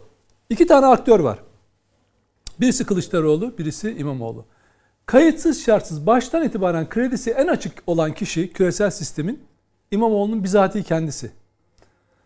İlişkilerini o kadar derin götürmeye çalışıyor ama çok şeffaf görür, görür. Her şey görünüyor. Çünkü dijital çağda yaşıyoruz. İziniz belli oluyor. Mesela İngiliz Büyükelçisiyle kar kaplı bir ortamda bir balıkçıda gözden uzak yemek yerseniz kameralara takılıyorsunuz. O olmaz yanınızdaki adamlara yanınızdaki adamlar sizinle aklınıza mümkün bilgi veriyorlar. Efendim? Ya mümkün mü? Ee, yani bu ortamda birisinin gizlice yemek yiyebilmesi açık, aç, halka açık bir yerde. Bak işte saflık veya siyasi aptallık onun gizli kalacağını düşünmektir. Ya, Yap, yap bak mesela medya medya yapılanması kurmaya çalışıyorsun. Yakalanmayacağını zannediyorsun. Ankara'ya temsilci atıyorsun ne anlama gelmediğini bil- şey. Mesela tweet atıyorsun. Arkasından Akşener bunu karşındaki rakip olarak Kılıçdaroğlu'nun çözemeyeceğini düşünüyorsun. Bunu çünkü direkt ne diyor? Benim haberim yok sosyal medyadan öğrendim diyor. Yani böyle küçük küçük numaralarla en kötü şey ne biliyor musunuz? En aptal kişi karşısındakini aptal zannedendir. Hep böyle oluyor. Kendi kendini açığa düşürüyorsun. Şimdi İmamoğlu'nun kredisi hala çok açık. Bakın dava üzerinden akıl almaz bir şekilde ama akıl almaz bir şekilde çok hızlı. Yani Kılıçdaroğlu Türkiye gelene kadar Biden'ın ofisinden açıklama yapıldı. Dışişleri Bakanlığı'ndan açıklama yapıldı. Türkiye düşmanı Katipiri var ya hiçbir görevi yok Avrupa Parlamentosu'nda falan ama o da yüklendi. Efendim fe- şey Michael Rubin diye bir meczup bir manyak vardır tamam mı? Türkiye üzerine ha böyle darbe marbe lafları falan yazar. O Pentagoncu. O FETÖ'cü Said sefasından Adem Yavuz'una. Efendim Avrupa Birliği şey mesela Türkiye düşmanı Bob Menendez var tamam mı? Yani Türkiye parasıyla uçak almak istese verdir, vermeyiz. Ya Yunanistan'a sen bilmem ya da Ermeni konusunda soykırım her şeyi yapan adamlar. Bir anda bir blok oluştu tamam mı karşında? Yabancı medya. Daha Kılıçdaroğlu pozisyon almadan. Bak çok ilginç. Kılıçdaroğlu Amerika'ya gitti. İngiltere'ye gitti. Almanya'ya gitti. Siz o ülkelerin medyasında tek satır haber olduğunu gördünüz mü? Hayır. Ama İmamoğlu davası üzerinden Türkiye'ye, Türkiye'de muhalefete akıl veriyorlar. Kürtleri de içine alın, siz birleşin, asla kavga yapmayın, iyi bir fırsat yakaladınız. Erdoğan'ın... Ya CIA'ci e, Harry Berkey diyor ki Erdoğan'ın cezalan ceza, şey diyor ki belasını bulacak. Yani ne, ne diyor bakalım? Ee, bunun bedelini ödeyecek gibi bir şey yazıyor. Tamam mı? Çapa bakar mısın adamın? Yani Erdoğan bedel ödeyecekmiş bununla ilgili falan. İşte bir siyasi operasyonmuş falan. Ya sen Amerikalı değil misin? Sen eski CIA'ci değil misin? Şimdi ne yaptığını bilmiyoruz da. Nasıl oluyor da Türkiye'ye sen yani adam kendini kaybetmiş. Zann- Zannediyor ki hani bir Amerika'nın mesela Amerika'da e, kongre baskını hakkında böyle bir şeyler yazmamıştır. Mesela Trump he- hesap hesabını verecektir falan dememiştir. Ama Türk nasıl bir nefretle Türkiye'ye yaklaşıyorsa ki bu adam büyük adalıyım, şöyleyim, böyleyim, Türkçeyi de çok iyi bilir falan. Bir takım güç odakları da hep bir işbirliği içindedir. Ondan sonra bir baktınız küresel sistemin elemanının kim olduğunu gördük. Hani Mete dedi ya bize komple teorisi diyorlar. Her şeyi siz komple öyle anlatıyorsunuz. Dış güçler diye de dalga geçiyorlar ya. Kardeşim etiyle kemiğiyle biz gördük. Dış güçlerin kim olduğunu gördük. Yabancı basını gördük. Yani çıkıp da yani eskiden bunlar meseleydi. Siz daha iyi biliyorsunuz. Türk basınında Guardian Türkiye'de şu kişi bir daha seçilmemeli, hak etmiyor. Mesela seçilsin seçilmemesin bu senin görüşün olabilir. Hak etmiyor kavramına nasıl karar verebiliyorsun? Yani bir koca toplumun, Türkiye halkının e, şeyine, görüşünün hilafına sen şey, hak etmiyor. Kim hak ediyor abi? Bir ana söyler misin Sayın İngiliz? Veya o ki hak etmiyorsa senin hak ettiğini düşündüğün kişiden senin çıkarın ne mesela? Bir İngiliz'in çıkarı ne olabilir? Ne olabilir? Kendi ülkesi şirketlerinin küresel diyor ki adam orada yazıyor. Küresel sisteme karşı diyor Ha, Erdoğan diyor. işte. Tamam. Şimdi dolayısıyla Kılıçdaroğlu bu saydığın bir tablonun içinde bir tuhaflık var abi. O şey düşme trendine girdi. Oral'ın da söylediği gibi veya ifade ettiği gibi. Ee, İmamoğlu'nun Tabii ama bakın şöyle. şeyi oyunu Dönem o dönem değil. Bakın Trump dedi ki gelecek dönemde 2021 konuşmasında Birleşmiş Milletler'de gelecek dönemde dedi küreselciler dedi kaybedecekler ulusalcılar savaşı kazanacaklar dedi. Şimdi İmamoğlu'nun hatası da o. Kendini öyle bir küreselci sisteme yaslamaya çalışıyor ki büyükelçilerle muhabbeti İngilizce video dolduruyor ya. Türkiye işgal ediyor demokrasini. yani sen İstanbul 16 milyonun başkanısın ya. İngilizce video doldurup Türkiye demokrasinin ifade özgürlüğünü falan hukuksuzluktan falan bahsediyor. Ya bir kendine gel. Sonra Kılıçdaroğlu ne yapıyor? Şimdi İmamoğlu'na yurt dışından olan teveccühü biliyor. Onların adam olduğunu çok iyi biliyor. O ne yapıyor? Kendini gidiyor Amerika'da ben ondan daha iyiyim. Bak ben daha güçlüyüm. Pazarlamaya çalışıyor. İngiltere'de pazarlamaya çalışıyor. Hangi akıl Jeremy Rifkin gibi bir adamı CHP Genel Başkanı baş danışmanı yapar? Hangi akıl Hurşit Güneş dururken, İlhan Kesici gibi iktisatçılar dururken Daran Acemoğlu'na tutup Türkiye ekonomisi eleştirisi yaptırır video üzerinden. Yahu bir tane köşe yazarı da mesela Doran Acemoğlu öyle bir kuş kondurdu ki kardeşim alıntı bile yapmadı ya. Yani bu şimdi normalde kitabını alıyoruz biz Daran Acemoğlu'nun değil mi? Okuyoruz ne diyor falan bu adam. Dünya işte görüşlerini falan. Var mı o konferansa bir atıf yapan köşe yazarı oldu mu? Ben görmedim, yok. Herkes sakil sakil güldü ya bu işe. Ne yapıyor? Aslında burada ne yapıyor Kılıçdaroğlu? Almanya gezisi de o, o amaca hitap şey amaca gidiyordu. Yani İmamoğlu tamam siz adamız ama bak ben de o sisteme ne yapıyor? Paranızı diyor ben buraya getireceğim. Küresel sistemde yani yaba- yabancı sistemde para iki türlü. Bir sabit yatırımla, iki fonlarla hareket eder. Fonlar ne ister Ali Bey? Faizin yükselmesini ister değil mi? Çünkü rantı alıp götürecek. Sabit sermaye ne ister? Yani sabit yatırım düşük faiz ister. Şimdi Kılıçdaroğlu nasıl bir tercihte bulunuyor bize? Diyor ki fonları getireceğim. Fonlar gelirken aa Türkler çok güzel tank üretecekler, top üretecekler. Ben şunları bir fonlayayım ya. Yazılım falan yapacaklar. Fonlayayım. Hiç de getirisi çünkü diyorsun ki Norveç'ten, Finlandiya'dan, oradan buradan emeklilik fonları. O fonlar senden ne isteyecekler? Faiz. Nasıl bir faiz? Reel bir faiz değil mi? Aşağı bastırılan bir kur değil. Tamam? Aşağı şeyi yüksek faizi e, isteyecekler. Sen diyecek ki Merkez Bankası faizini falan bir yükselt bakalım şu şeyini. Göster bize politikanı. Nedim diyecek. Şener bir şey soracağım. Küreselciler ikili mi oynuyor? Hayır efendim. Küre, küre- şimdi adam her bakın İki sistem şöyle mi? bir şey biliyor musun? Mesela bakın ah, Hrant Dink kim bir konuşması vardır. Çok hoş. Diyor ki Diyarbakır'da. ben diyor efendim Diyarbakır. Hayır, Almanya, Almanya Almanya'da ödül töreninden gelmiş. Ya diyor, ben diyor bir gittim diyor Almanya diyor, ödül aldım diyor. Bir baktım diyor, o beni öpüyor diyor, bu beni öpüyor diyor. Merkel beni öpüyor falan diyor. Tamam mı? Ya diyor ben ülkeme nasıl bir kötülük yaptım ya da ben ülkemle ilgili ne söyledim de kötü bunların hoşuna gitti ve beni öpüyorlar diyor. Bu iş ne biliyor musunuz? Ayaklı olarak gidersin. Sen onların adamısındır. Sana hiç kimse yani şöyle bir şey. Yabancı istihbaratçılarla FETÖ'cüler mesela. Bazıları var ya öyle ne diyorlar ona? Ayaklı kendi, kendiliğinden giden diyorlar. Böyle bir, bir tabiri var onun. Kendiliğinden zaten başvuruyor. Mesela Said Safa diyor ki ben aradım CIA'cilerle konuştum. Sana CIA demiyor ki ya gelsene biz seninle konuşalım. Bu ayrı bir şeydir, operasyondur. Ama sen zaten gönüllü ülkeni satmaya, kendini sattığın için ülkeni satmaya hazırsındır. Ödüller verirler, onu verirler falan. Ama Hrant Dink uyanmış diyor ki bir dakika ya diyor. Bana diyor niye ödül veriyorlar? Ben ülkemle ilgili aleyhinde ne konuştum da bana veriyorlar diyor. O onu reddediyor. Bak o onu reddediyor. O sistem onu ödüllendiriyor ama o onu reddediyor. Ama bugün onu reddetmeyen, onlara teşne olan, kendisini de ülkesini de satmaya hazır bir sürü adam var. Siyasetçi de var ya. Bunlara çalışan adam var. Ülkesini rapor edenler var. Yani bu adamlarla irtibatlı olan. Mesela atıyorum. Enver Altaylı iddianamesini okuyun. Hangi siyasetçilerle ilişkili o raporlarını kimlere niçin geçiyor?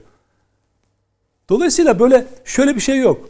Yani küresel sistem bir mesaj veriyor. 2019'un aralığında Biden'ın ağzından biz bunu duyduk. Ne dedi?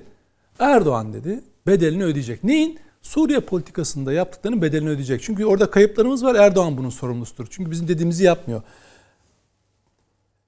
Ne yapacağız? Dedi. Dediler. Dediler ki darbeyle değil bu sefer. Neyle? Muhalefeti destekleyeceğiz. İşte sana şey davetiye. Şimdi o davetiyi havada kapar mısın? Üzerine mi atlarsın? Yoksa o da o benim adıma geldi zaten falan diye sahiplenir misin? O senin bileceğin iş. Bunu da ne, ne bunu da bunun da yöntemi şu. Ya ona sırtını dönersin, onunla mücadele edersin ya da sen onlara uygun şeyler, sözler söylersin. Mesela Kılıçdaroğlu'nun yaptığı gibi. Ne diyor? Hem de Amerika'da Rus-Ukrayna savaşında Ukrayna'yı tutmalıydık. Ben şimdi Amerikan Dışişleri Bakanı ya da bunu kayda alan adam olarak abi derim ki tamam bak bu işte. Derim ki bu. Çünkü Amerikan Hazine Bakanlığı sürekli Türkiye hakkında son uyarıları ne? Rusya'ya yaptırımlara uyuyor musun, uymuyor musun kontrol edeceğiz. Olmazsa sana da yaptırım yapacağız diyor. Şimdi Kılıçdaroğlu'nun bu söylediği ne hangi anlama geliyor? Buna buna katkı veren kim bir de aynı şekilde? Meral Akşener. Kim bunlar? Bunlar küresel sistemin elemanları. Peki. Oral abi ne düşünüyor bu konuda? Tamamen bunu bu, bu kadar işi... Komplo teorisi. Yani şöyle bir kere dünya bize kötülük yapmak üzere örgütleniyor gibi bir psikolojiye girmek yanlış. Kötülük yapmak için değil ya ele geçirmek için. E, Ya, ya Türkiye'yi yönetmek ya istiyorlar adamlar. NATO konseptinde. Türkiye'yi istedikleri gibi yönetir, yönetebilecek güçleri var her zaman. Onu kullanıyorlar. Mesele şu. Biz e, eğer dışarıyla ilişkilerimizi doğru tanzim edemezsek sonunda dışarıya sinirlenen, dışarının yaptıklarında bize kötülük geldiğini düşünen bir psikolojiye giriyoruz. Bu böyle bir psikolojiye girmeye Yok, gerek üstad, yok. kötülükler Bence- ve psikolojiyle açıklanmaz Bence bu. Çok şöyle- maddi maddi durumlar, şöyle, maddi ben koşullar dünyayı şöyle Bir görüyorum. anlatsın dedim. Dünyayı şöyle görüyorum. Dünya bugün bir otoriter rejimler meraklı da, meraklısı bir kutupla o daha evrensel hukuka e, eğilimli kutup arasında bir şey yaşıyor. Gerilim yaşıyor. Yani işte başında Mesela evrensel hukukta kim var abi? bütün batı var. Peki bir şey söyleyeceğim. Şimdi O onlar evrensel hukukta Şimdi onların hepsinde- PKK mesela PKK e, o evrensel hukuka göre terörist mi abi? Ya- terörist. Peki Şimdi- bu adamlar PKK'nın Suriye koluna silah veriyorlar mı? Bak şimdi- veriyorlar. Bütün Avrupa ülkelerinde PKK'yı kolluyorlar mı? Kolluyorlar. Şöyle, Nerede evrensel şöyle hukuk abi? Şimdi bu batıya baktığın zaman batıda bir sürü eleştirecek müdahalesini bu kötü gördüğün egosantrik bir sürü şey var. Bu, bunlar ben de sana senden daha hızlı bir şekilde sayabilirim. Ben başka bir şey söylüyorum. Dediğim şu. Sen bu, bu dünyada yaşıyorsun. Bu dünya bir ilişkiler dünyası. Bu ilişkiler dünyası içinde çıkarların dengelendiği, çıkarların birbirine e, denk geldiği bir dünyada işleri yürütmek zorundasın. Yani şöyle bir şey kendimizi içe kapatıp ulan bu da düşman, bu da bunu yapmak istiyor, şu da şunu yap. Yerli ve milli olacağız derken bu bütün bu şeyleri alt üst eden, ilişkileri alt üst eden bir siyasetin hiç kimseye bir faydası yok. Her ilişki karşılıklı olan bir şeydir. Sen bir şey alırsın, o bir şey alır. Sen bir şey verirsin, o bir şey verir. Uluslararası ilişkiler sürekli düşmanlık ve yok etme temeli üzerinden gelişmez. Ha Türkiye'de daha önce de şimdi askeri darbeler döneminde de Türkiye'yi şeyden çıkardılar. Ee, Avrupa Birliği'nin Avrupa Konseyi'nden attılar mesela Türkiye'yi şeyde 12 Eylül sırasında. Yani Avrupa'nın içinde e, insanlığın yıllar yüzyıllarca e, birikimle elde ettiği insan hakları, evrensel değerler vesaire savunan bir birikim var. İnsanlığın birikimi o. O birikimden biz de nasibimizi alabilir miyiz? Avrupa Birliği'ne biz yöneldiğimizde 2010'larda kötü mü yaptık? Türkiye Avrupa Birliği'ne Tabii az daha bir bölünüyordu sürü- abi ülke. Nereden bölünüyordu ya? Az Ya daha o- bölüyor. o- ya ya o şimdi Muharrem İnce'nin teorisi. 2010'lara 2010'lara dönmeyelim gözünü seveyim. Dönelim Bak yani- dönelim. Bari- Şunun için dönelim. Bak ama Ben Sizi tenzih ederim ama yani şahsınıza sev- sevgimi bilirsiniz ama felakettir yani. İşte bu- yani senin hukuk, te- hukuk falan yani şöyle düşünün. Hani biz çok iyiydik 2009'lar öyle bir hukuk vardı ki kardeşim cezaevlerine takır takır insanları katlederken bu FETÖ'cülerle beraber Avrupa'dan tek bir eleştiri gelmedi. Tek bir. Bak bugün FETÖ'cüleri fonluyorlar, hukuken destek veriyorlar. Onlar insan, FETÖ'cüler onların gözünde insan. Ama biz Ergenekoncuyuz diye değil mi? Öyle yaftaladılar Şimdi- ulusalcı şimdi bak- diye. bak. Niye? Çünkü iki şeyin düşmanı Batılılar Türkiye'de. Bir Atatürkçülerin, iki Müslüman İslamcıların. Yani Müslümanların. Onlar Ya istiyorlar ki böyle kafayı güzel ütülenmiş Batı hayranı tipler bize baksınlar kardeşim. Bize baksınlar. Vallahi yani onların şey öyle yani İzin verirsen- hele- Abisi sensin. Bir de- Sen söyleyeceksin. Biz ben onu abi durduramayız. Biz onu Biz durduramayız. yapamayız abi. Siz, sağ- siz Yok, bana, durduramıyorsunuz. Yani- bana bakıyor. Müsaade de bitirsin. Tamam, Ee, abi. Yani şöyle söyleyeyim. e, Sonuçta e, içe kapanık bir milliyetçilikten bizim bir fayda elde etmemiz mümkün değil. İçe kapanık milliyetçilik sonunda herkesi düşman gören ve bir anlamda iç psikolojisi bozuk bir hale geliriz. Buna gerek yok. Her ilişkiyi rahat bir şekilde yürütmek, o ilişkide senin çıkarın ne, onun çıkarı ne, onun üzerinden gitmek, uluslararası standartlarda ilişkileri yürütmek bu, bu, bu. Bunu şimdi yani bir- şeyi ben çok dinledim. Biz işte 12 Mart'ta 12 Eylül'de içeri atıldığımızda vatan haini, ya- yabancı düşmanın, yabancıların elemanları, casusları diye aç iddia Doğru değil mi abi? 12 Ma- 12 Mart'ta Nihat Erim'in ilk yaptığı şey neydi? Ya bize Haşhaş diyordu- ekimini kaldırmak, Ya yasağını bize- kaldırmak değil ya miydi? bir- işte Nihat E Erim siz- de bizi vatan haini E abi işte. hapse attı. E tamam onu diyorum. Amerika'nın şey değil miydi? Talepleri değil miydi size yapılanlar? Deniz gezmişler hukuk içinde mi asıldılar? Affedersiniz. Yani İşte ben de onu diyorum ama vatan haini diyen Değil, de- e, yerli ve milli olduğunu söyleyen Hayır de 12 efendim Mart öyle- yönetimiydi. olur mu öyle şey? Siz, o günkü tahliliniz yanlış sizin. Onlara yerli milli siz o yerli milliliği kaptırdınız. Sol kesim olarak gittiniz e, şeye e, maalesef bazıları batıya peşkeş çekti. Çünkü niye? Ya kardeşim ne olursa olsun Deniz Gezmişler nasıl ulusalcı insanlardı? Nasıl Atatürkçü ulusal hem de Kürt halkı da diye değil mi? Atatürkçü değil de- Tamam ama yani ulusal e, yerel Ya insanlardı. solcuydular onlar. Ha, yani. Haksızlığa isyan ettiler. Evet evet. Da- Ha, cinayetlerin var adamların İşte ya. Yok. bak- bak, hukuk içinde. ben de hukuk sana değil başka bir şey söylüyorum. Diyorum ki o zaman da e, Türkiye'de bir yabancı yani biz, bizim üzerimize Siz Türkiye- yabancı ve batılı düşünce sisteminde değil, komünist diye sizi yargıladılar abi. komünist diye yargılanan yani onu da emperyalistler istedi, CIA'ciler istedi.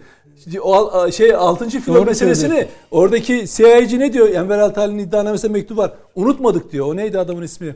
CIA e, masa şefi. Enver Altal'in şey, adamı. Sen onu biraz hatırlamayı dene. Oral abi bitirsin. Ya adamlar adamlar ya yemin ediyorum ya yayında yazıyor Nedim, kardeşim. Ya Ee, şimdi- Oral Bey bitiremeyince biz de başlayamıyoruz. Diyor. Deniz Gezmişler'in 6. filonu unutmadık diyor.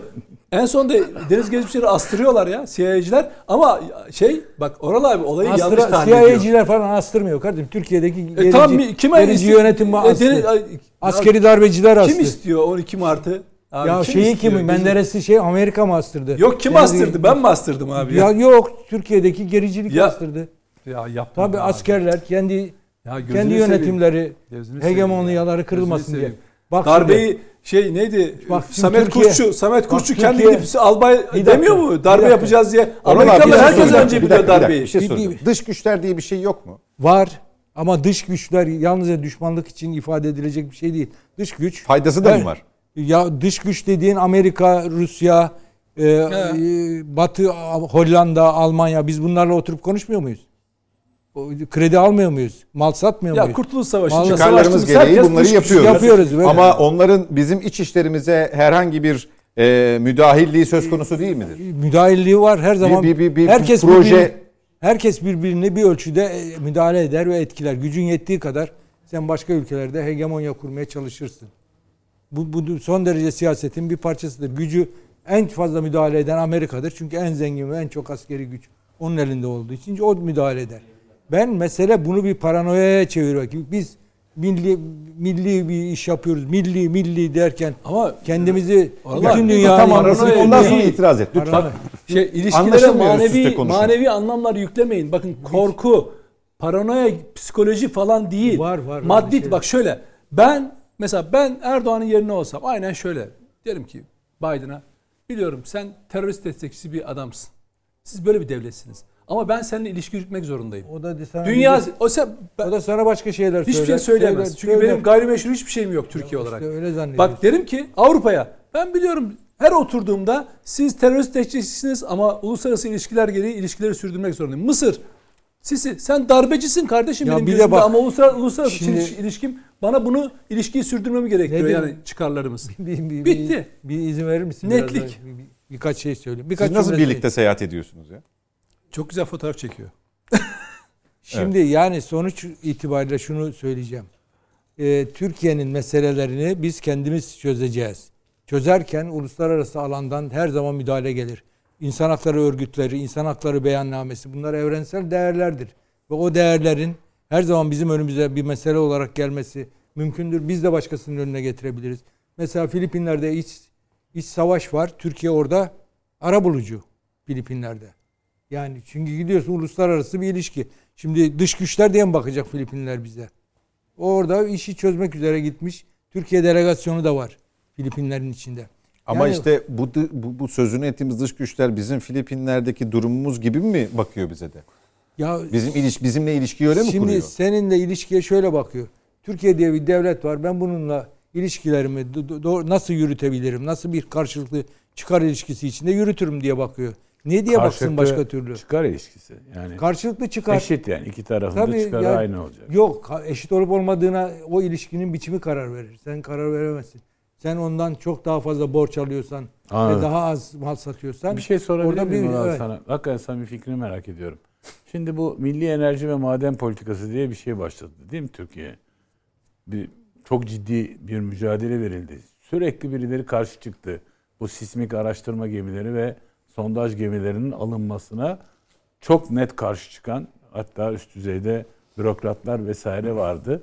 Buna rağmen Türkiye burada çok ciddi bir ener- milli enerji ve maden politikası güttü ve bu şimdi mesela dünyada hiç kimseyi rahatsız etmedi mi? İki, milli savunma sanayi diye bir şey başlattı Türkiye. Çok önemli bir yol alındı. Çok önemli. Bu hele işte bu bölgede Avrasya'da güçlü bir askeri yapıyı oluşturmadan herhangi bir varoluşu devam, ettirmek mümkün değil.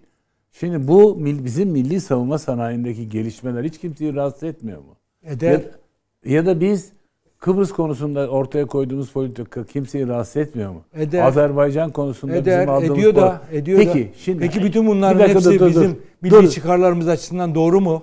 O bir da ayrı dakika bir dur. tartışma. Bu, bu saydığım şeyler insan birilerini rahatsız ediyor değil mi? Peki içerideki muhalefeti de aynı ölçüde rahatsız etmesi bir enteresan şey değil mi ya? Koeksistens Ya, ve bir muhalefet yalnız ondan rahatsız olmuyor ki tu- tutuklamalardan da rahatsız oluyor. Haksız yere yargılamalardan da rahatsız oluyor. Evet. Uluslararası ilişkilerin bozulmasından da rahatsız oluyor. Ben de Hayır mesela oluyorum. burada böyle Türkiye yalnız bırakıldı falan deniyor. Bir bakıyorsun e, ertesi hafta Antalya'da e, bir toplantı düzenliyor. Bütün dünyanın şey ülkelerin ya e, şimdi Dışişleri Bakanları yani orada. Ben şimdi gündelik siyaseti izliyorum.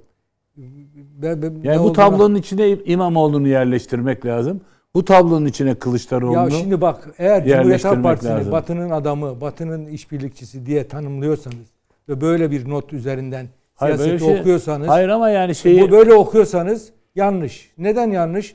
Yani her iktidar veya muhalefet Batı'yla ilişkileri her zaman Türkiye zaten yıllar, yüzyıllardır bu yüzü batıya dönük bir ülke. Evet. Osmanlı'dan bu yana.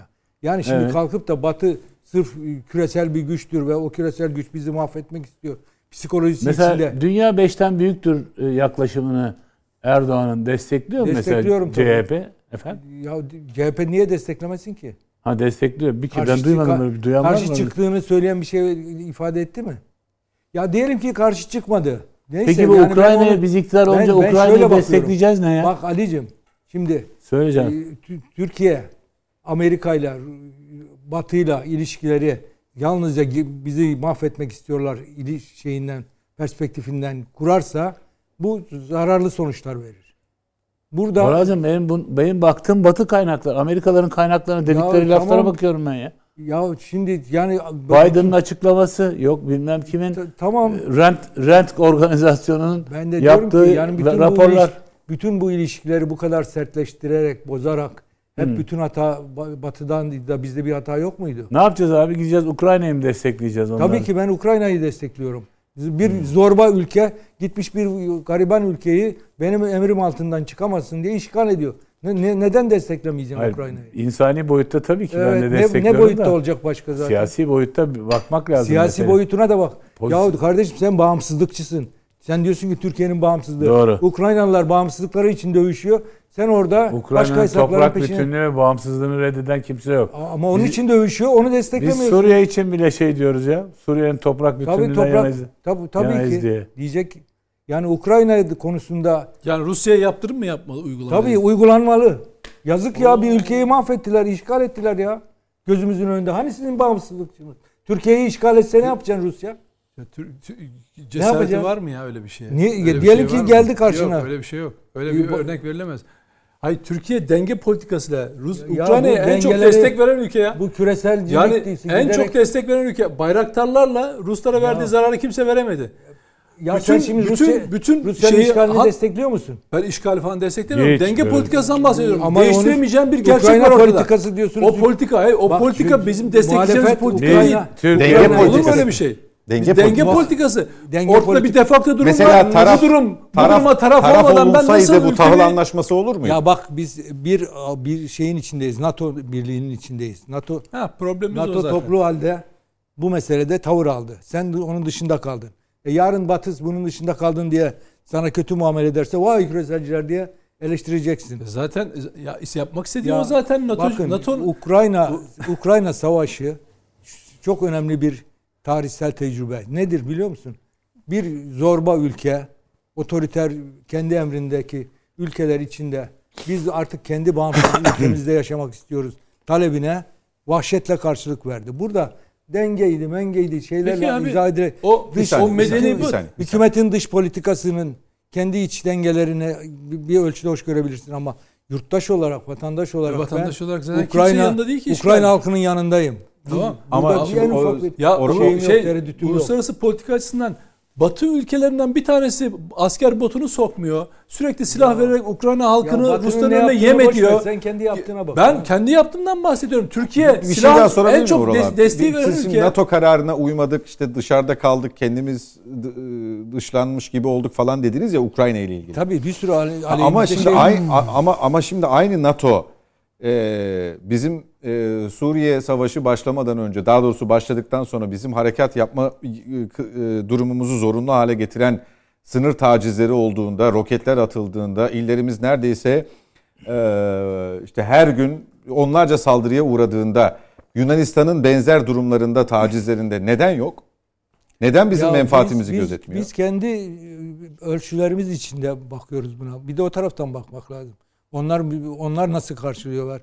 Nasıl görüyorlar? Yani Suriye mesela kendi topraklarında Türk askeri olmasını nasıl karşılıyor? Hayır hayır ondan önce söylüyorum ben Yani onu. Bir de böyle bir şey var. Hep biz kendimiz bize saldırıyorlar. Onun için gittik Suriye'de bulunuyoruz. Bir de Suriyeli açısından bak. Gelmiş diyor ki başka bir ülke benim topraklarımda bir terörü engelleyeceğim diye. Amerika'da var, Rusya'da var Amerika'da orada. var tabii ki. Hepsi- İran her- var, Çin her- var. Doğru değil mi? 79'da Öcalan Suriye'ye geçip terör karargahı haline çevirmedi mi Suriye'yi? Siz biliyorsunuz abi en iyi. Evet. E, yani Suriye toprakları her zaman tehditti ve 99'da bile e, Adana mutabakatı bunun için Ya, yapılmadı mı karşılıklı iki Ben ülke arasında? diyorum ki sonunda Suriye toprakları Suriyelilerindir. E bize- Doğru. İyi de sahip çık o zaman diyorsun. Adam diyor ki onları ellemiyorum ben. E, Şey Hayır, Türkiye operasyon yapmaktan bayrak ya. çekiyorlar. Suriye diyor ki sen Türkiye çekilsin oraya ben geleyim Ya, diyor. ge- ge- biz de diyoruz ki gel toprağına sahip çık diyoruz. Ge- gelen yok. Hayır benim bahsettiğim süreç Yani benim, öyle bir benim şey yok. bahsettiğim dönemde Türk askeri yok ki orada. He. Bahsettiğim Yok, dönemde yok. bakın o dönemde Türkiye YPG ile gayet iyi ilişki içindeydi. Şey neydi adamın adı? Salih Müslüm. Salih Müslüm kırmızı halılarla gelip gidiyordu şeye Türkiye'ye. Yani o ilişkiler giderek bozuldu. Niye- Ne, neden nasıl bozulduğunu ayrıca tartışabiliriz. Ama sonunda iş e, bizim geçmişte YPG ile olan ilişkimizden başka bir şeye dönüştük. Çatışmaya dönüştü. Çatışmaya dönüşünce işin içine sen çünkü kendi bölgende bir çatışmanın içine girersen süper devletlerinde av alanı orası. Biz düştük onların ortasına. Şimdi işin içinden nasıl çıkacağız ben bilmiyorum. Ya biz hata yaptık. Ya biz hata mı yaptık? Ne, oraya mesela şu anda durumumuz baş dünyanın tarafından nasıl algılanıyor? Bir de ona bakmak lazım. Yani herkes öyle bak. Gittiler oraya girdiler ve belli bir bölgeye girdiler ve çıkmayacaklar. Kıbrıs'ta girdiler çıkmadılar. Burada da girdiler çıkmayacak. Öyle bakıyorlar. Yani şimdi siz- Ha, biz evet. kendi Amerika ve Rusya'ya nasıl bakıyor peki Suriye'ye? Amerika ve Rusya'yı meşru görüyorlar. Dünyanın her yerine müdahale etme hakkına sahip. İyi, çok Ve iyi. onlardan Zorba- rahatsız değiller. Zorba devletler. Zorba devletler. El Bu Cezire etrafında bazı tipler var. Bunu yazıyorlar. Sürekli var. Türkiye defakto olarak Kıbrıs Kuzey Kıbrıs Türk Cumhuriyeti nasıl hani bir Girdi, fiziki bir durumu var. da girmeyecek. çık- Aynen onu yapacak falan filan. Ya Türkiye bir an önce anayasal süreç tamamlansın da Suriye rejimi topraklarına hakim olsun. Muhaliflerle e, bir Bu yönetim senin yorumun ne diyeyim? Yo yo Sen buna uğraşıyor ya. Buna uğraşıyor Başka- abi. Başkası da öyle Buna, bakmıyor. ama sen de başkalarının çizdiği senaryo üzerinden okuyorsun Suriye'deki ilişkileri tek, abi. Tek taraflı bakmıyorum. ya çünkü ben de orada okuyorum yani. Ben de kendi- tek taraflı kendi bakmıyorum. ülkemizin de ne gibi hataları olabileceğini. Bu Bizim en büyük böyle- hatamız açılımdı. E, o Salih en doğru Müslimlerle yaptığımız en doğru şey Yok abi, açılımdı. ha buradan başlayan açılım yanlışlıydı. Kıbrıs o ilk zamanları Kıbrıs Denktaş'a yapılanlar hataydı. Hep liberallerin içinde olduğu her politika hatadır, hata olmuştur Türkiye'de. Ya Ve hep liberaller değil, yenilmişlerdir. o Tayyip Erdoğan yaptı onların hepsini. E işte liberaller o hale Liberal- getirdi onu. Peki. yani Bu konu çok başka yerlere gitti. Siz tamamlayın. Ya Oral ben abi şunu ben başlığı söyleyeceğim. Türkiye 2000'li yılların başından itibaren ciddi bir şekilde demokratikleşme ve Türkiye'de bir değişim projesi uygulamaya kalkıştı. Bir sürü kanunlar değiştirildi. Türkiye önemli hem ekonomik olarak hem siyasi olarak canlı bir dönem yaşadı. Bu dönemi karalayan ve bu dönemi yanlış gören anlayışı doğru görmüyorum. O dönem çok kıymetli bir dönemdi. Maalesef o dönemdeki kazandıklarımızın bir kısmını kaybetmiş. Harbiden durumdayız. ha. Yargının dörtte üçü şey, üç, e, şey FETÖ. Ya- üçte biri FETÖ olmuş. TSK'nın generallerin yüzde 47'si FETÖ olmuş. İstihbaratın yüzde 95'i E, FETÖ o- olmuş. o Askeri okulların yapalım, yüzde iktidar- 99'u FETÖ olmuş. Bürokrasi onların eline geçmiş. Vallahi süpermiş yani. E, Operasyonlar yapmışlar. insanlar hapislere tıkılmışlar. Hiç Ya süpermiş onları- ya. Ne demokrasiymiş kardeşim ya. Ki. Onu yalnız başına FETÖ yapmadı ki. Yo yo Bu işte iktidarla beraber söylüyorum. İktidarla Ya sen yaptılar. zaten oraya bağlayacaksın ya. Yani işin içinde öyle bir referandumla geldi ki FETÖ elebaşı mezardan ölünüzü çıkartın oy kullanın diyecek noktaya geldi Ya ve en sonunda HSYK'yı ele geçirdiler yani. O kanun değişiklikleri. Ya işte öyle yaptırırlar adama. Ya değişikliklerdi. 2020'de bile adama jandarmaya FETÖ'cü istihbaratçı atatıyor, atatıyorlar hocam. Ya bu Sistem öyle çalışıyor. Kuvvetli Kara bir FETÖ'cü kuvvetler. birikim. Kara kuvvetler. Kara Bu kuvvetler. kadar kuvvetli bir FETÖ'cü birikim helal olsun. E, Yani. Hocam Ben başka- 50 yıl sen şey sen diyemem. si- siyasi olarak Türkiye'nin nereden nereye geldiğini biliyorsan onlar ana hedefinden hiç odakla şey uzaklaşmamışlar. Ya şimdi FETÖ artık ana tehdit olmaktan çıktı. Ya. Esas önümüze bakalım. Biz Türkiye'yi önümüzdeki dönem nasıl geliştireceğiz? Ne zaman ana tehditti FETÖ? Ana tehdit darbe yaptı işte daha ne olsun. 2016'dan sonra. Tabii. Öncesinde değil. Öncesinde ana tehdit en zirvesi de darbe oldu işte. Peki. Büyük tehdit oradaydı. Yani büyük tehditin patlaması oldu iki, o 15 Temmuz'da. Yani FETÖ tehdidi kalktı diyorsun. Öyle ya anlıyorum. kalktı demiyorum ama yani bugün esas Nedim gibi her her gün kalkıp FETÖ'cüler ne yaptı diye düşünen bir Berber psikolojiyle bakmıyorum. Ha psikolojiyle bak hep olay böyle. Ya hep senin yüzünden.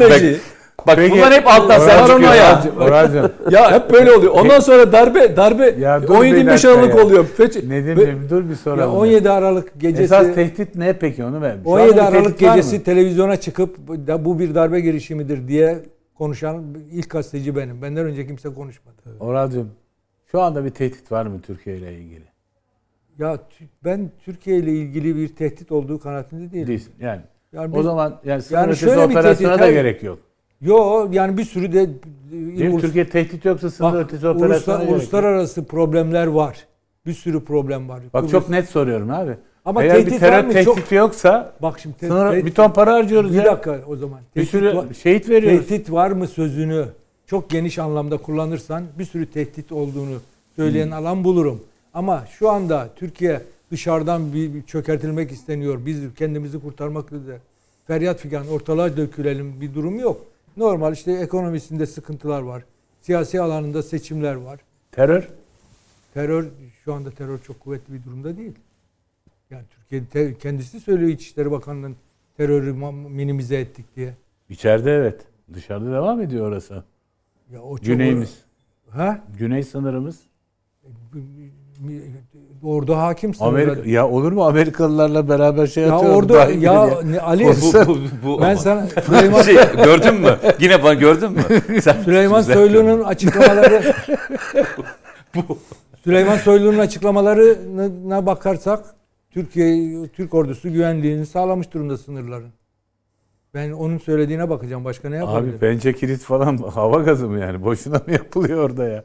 İnsanlar patır kütür orada mücadele Peki. ediyorlar Ya, mücadeleye Ee, geçelim işte. geçelim diğer bir konuya. Ee, bugün e, HDP'yi kapatma davası ile ilgili sıcak bir gelişme yaşandı demiştik girişte. O da Yargıtay Başsavcısının talebine dairdi. Hazine yardımı olan hesaplar bloke edilsin HDP'ye yönelik Ee, ve bu partinin terör örgütüyle bağı devam ediyor. Ee, konjonktürel olarak baktığımızda biz e, hemen hemen her programda kapatma davasına ilişkin özellikle Nedim Şener olmak üzere bir hatırlatma. Ne oldu bu dava? Nerede? Nereye gidiyor? Ne olacak şeklinde açıklamalar, yorumlar hatırlıyorum. Ee, bu davanın sonuçları itibariyle de siyasi bir takım mülahazalar olacağı için e, bu işlerle bir bağlantısı var mı diye sorayım en yalın haliyle. Ee, bugünkü adımın. Ee, şöyle söyleyeyim. Ee, sonuçta demokrasiyi niye e, içselleştirmeye çalışıyoruz? Demokrasideki amaçlardan bir tanesine katılımcı bir ortam yaratmak değil mi? Katılımcı ortamı da insanların anayasal e, sistemleri içerisinde eşit yurttaşlık seviyesinde yapmak. Terör bunun neresinde? Yani demokrasi dediğin yerin odağında terör nerede? Var mı demokrasilerde terör diye bir anlayış? Var mı? Dünyada örneği var mı? Ben hiçbir yerde hatırlamıyorum. Yani eee, ve dünyanın da terör listesi olarak gördüğü, ha gayri resmi olarak bir sürü alttan numara çeviriyorlar. Kesin. Ama eee, netlikte baktığında Avrupa Birliği'nin de işte ne diyeyim NATO'nun da NATO ülkelerinde işte ne diyeyim eee, terör listesinde olan bir örgütten bahsediyoruz. PKK'dan bahsediyoruz. Şimdi bununla uzantısı olduğunu söyleyen ve bunu da asla inkar etmeyen Abdullah Öcalan'ın da kendi projesi olarak söylediği bir oluşumla ilgili. Biz neyi tartışıyoruz yani? Hani tartıştığımız konu ne? Şey mi? Hani değil midir? O mudur değil mi mi tartışıyoruz? Yani hiç kimsenin bir şey inkar etmediği bir ortamda biz şey mi bulmaya çalışıyoruz? Değilin cevabını mı bulmaya çalışıyoruz? Acaba mı diyoruz? Ya ben sana diyorum ki kardeşim sen e, adam öldürdün mü diyorum. Diyorsun ki adam öldürdüm hatta cinayetin şeklini anlatıyorsun yani. Nasıl öldürdüğünü de anlatıyorsun. Tasvir ediyorum. Hatta bir de fotoğraf çekilmiş. Bir de film var yani yaparken de suçüstü yapılmış. Şahitler var. Birileri de diyor ki ya ya şimdi adama bir şey yapacaksınız ya tadımız tuzumuz kaçacak. Yani bırakın böyle gitsin. Ertesi gün de bir tane daha adam öldürebilir. Ya çok da takmayın kardeşim yani. Çok da takmayın. Neye bu kadar bu kadar büyütüyorsunuz yani? Ben bir daha soruyorum sana. Sen diyorsun ki evet bir tane öldürdüm, ikinciyi öldürüyorum diyorsun yani. Hatta şu an iş üzerindeyim diyorsun. Kesmeye devam ediyorum diyorsun. Ya Türkiye'de ben bu davayı inan başından beri anlamış değilim. İnan başından beri anlamış değilim. Hani örnekleriyle bakarım. İşte demin e, Oral Bey güzel Avrupa'nın demokrasi anlayışından bahsederek geldiği için söyleyeceğim. Yani Avrupa'nın normlarında da yok. Dünyanın hiçbir normlarında böyle bir yapı yok. Böyle bir yapı yok. Siz şunu yapabilirsiniz. Ee, Türkiye'de insan hakları veya diğer konularda sıkıntılar var mı yok mu tartışmasını açabilirsiniz. Ve bunu demokrasinin içerisindeki her türlü ortamda da yoğunlaştırabilirsiniz. Hatta bunu şiddetli bir şekilde savunabilirsiniz de yani. Demokrasinin size vermiş olduğu bütün hakları kullanarak. Bunun yanından dönüşeceği bir yer yok ki. yani bir tabir var. Ee, az hamile çok hamile diye bir kavram yok. Ya hamile hamiledir ya değildir değil mi? Teste gittiğinizde az hamile diye bir karar çıkıyor mu? Ya terörü destekliyorsunuzdur ya desteklemiyorsunuzdur kardeşim. Bununla ilgili konunun içerisinde biz neyi tartışıyoruz biliyor musunuz? Ee, az mı destekliyor? Odak mı oldu? Odak olmadı mı? Adam diyor ki ben odağındayım diyor ya. Adam demiyor ki ben odak değilim demiyor ki. Daha da alenileştiriyor üstelik. Yani alenileştiriyor, yapısal anlamda e, faaliyetlerin içinde yer alıyor. Hala bunu kuvvetlendiriyor. Şimdi şöyle bir şey var. Sizinle ilgili bir kapatma davası olur. Kapatma davası içerisinde siz derlenirsiniz, toparlanırsınız. Dersiniz ki ya arkadaşlar içimizde bir şey mi oluyor? Siz devamlı delil üretmeye devam ediyorsunuz. Yani Yargıtay Başsavcısı evrak açtı. Daha sonra evraklara evrak koydu. En sonunda vazgeçtiler artık evrak koymaktan. Çünkü devamlı evrak yani olay yaşanıyor ve olayı tekrar taşımaktan vazgeçtiler. Çünkü her konulan evrak tekrar ek süre verdirilmesine yol açıyor. Durdurdular bir yerde dediler ki tamam yeter yani. Daha ekstra bir şey ne istiyorsunuz? Durdular adamlar. Bir daha evrak koymuyorlar artık dikkat ediyorsun. Delilleri diyorsun. İşte delillerden bahsediyorum yani. Yargıtay Başsavcısı bu da delil diye koydu. Hatırlarsan bir delil daha koydu. Delil, delil koyunca bir daha ek süre verildi. Her delil için. Neyi tartışıyoruz? Neyi tartışıyoruz? Demokrasiyi tartışıyoruz değil mi? Ve bunu parlamenter sistem içinde tartışıyoruz. Yani evet Cumhurbaşkanlığı yönetim sistemini yönetiyorsunuz ama bir parlamenter sistem var. Siyasi partiler siyasi partiler kanununa göre e, kuruluyorlar. Bununla ilgili bir yemin ediyorlar ve bu faaliyeti sürdürüyorlar. Çok ilginçtir. Bugün bir şey okudum. Almanya'da biliyorsunuz 35 kişi mi 40 kişi mi ne? hani bir darbe yapıyorlar diye böyle alındılar ya.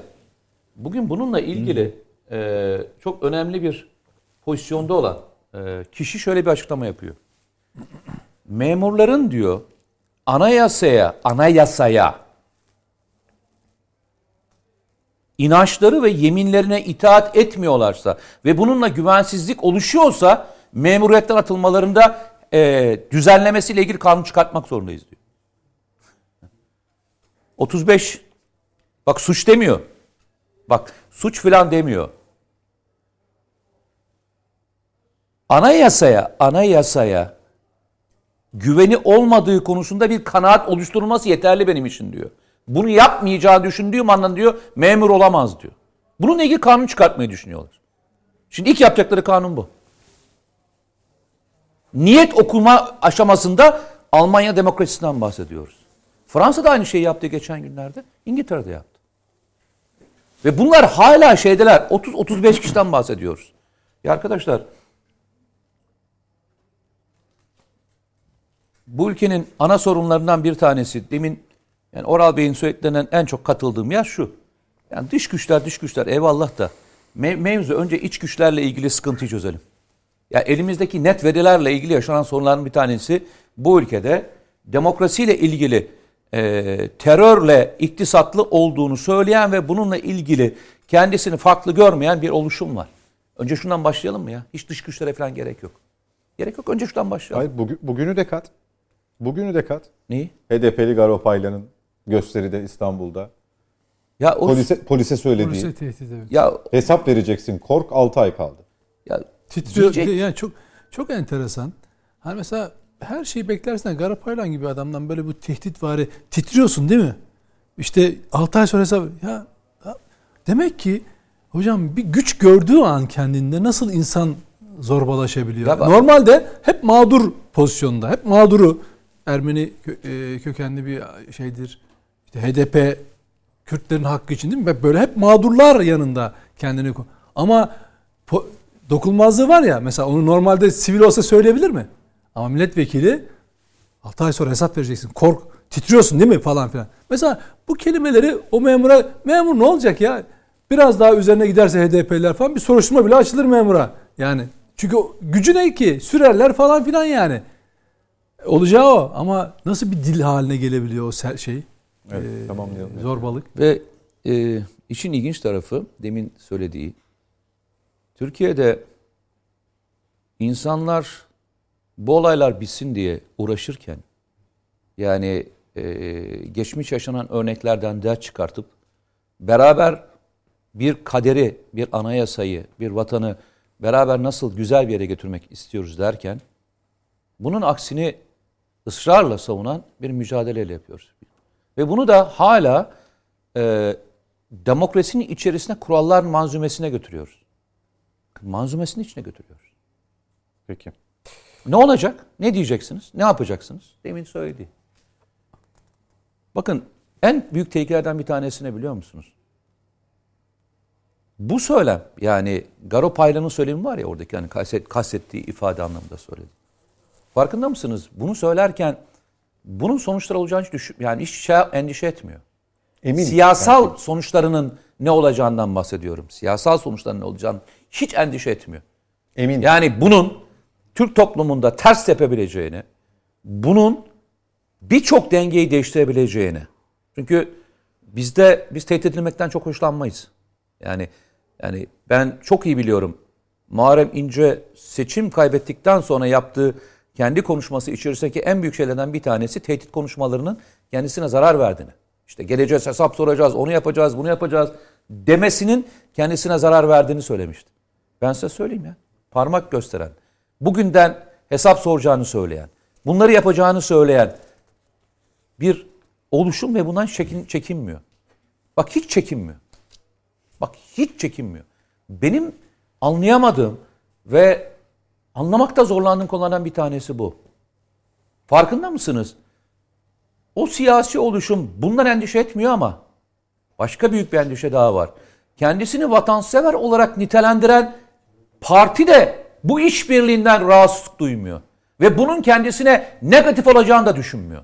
Ne kadar ilginç değil mi? Olmuyor da zaten. Bak Ve- hiç düşünmüyor. Düşünmediği yani bunun gibi bugün e, o masanın e, mensuplarından da tepki geldi zaten e, polis müdahalesi e, şeklinde bu e, buluşmaya. ilginçtir. İşte hani e, ben kimin yerli kimin milli olduğunu bilmem arkadaş. Yani üzerinde bir damga yok. Hani var ya e, yerli üretim diye yazıyorlar e, ürünlerin üzerinde konuyor son dönemde. E, ama şu bir gerçek. E, o kadar net bir süreçten geçiyoruz ki. Net bir süreçten geçiyoruz ki. Ben Trump kadar iddialı laflar söylemeyeceğim. Hani bu ülke, bu olaylar, hani bu seçim küreselcilerle e, onlar patriot diyorlar. Vatanseverler arasında geçiyor gibi kelime kurmayacağım. Ama şu yaşananlar bir vatandaş olarak çok ağrıma gidiyor. Bak, sade bir vatandaşım. Başka hiçbir özelliğim yok. Sade bir vatandaş olarak şu söylemler ağrıma gidiyor. Peki.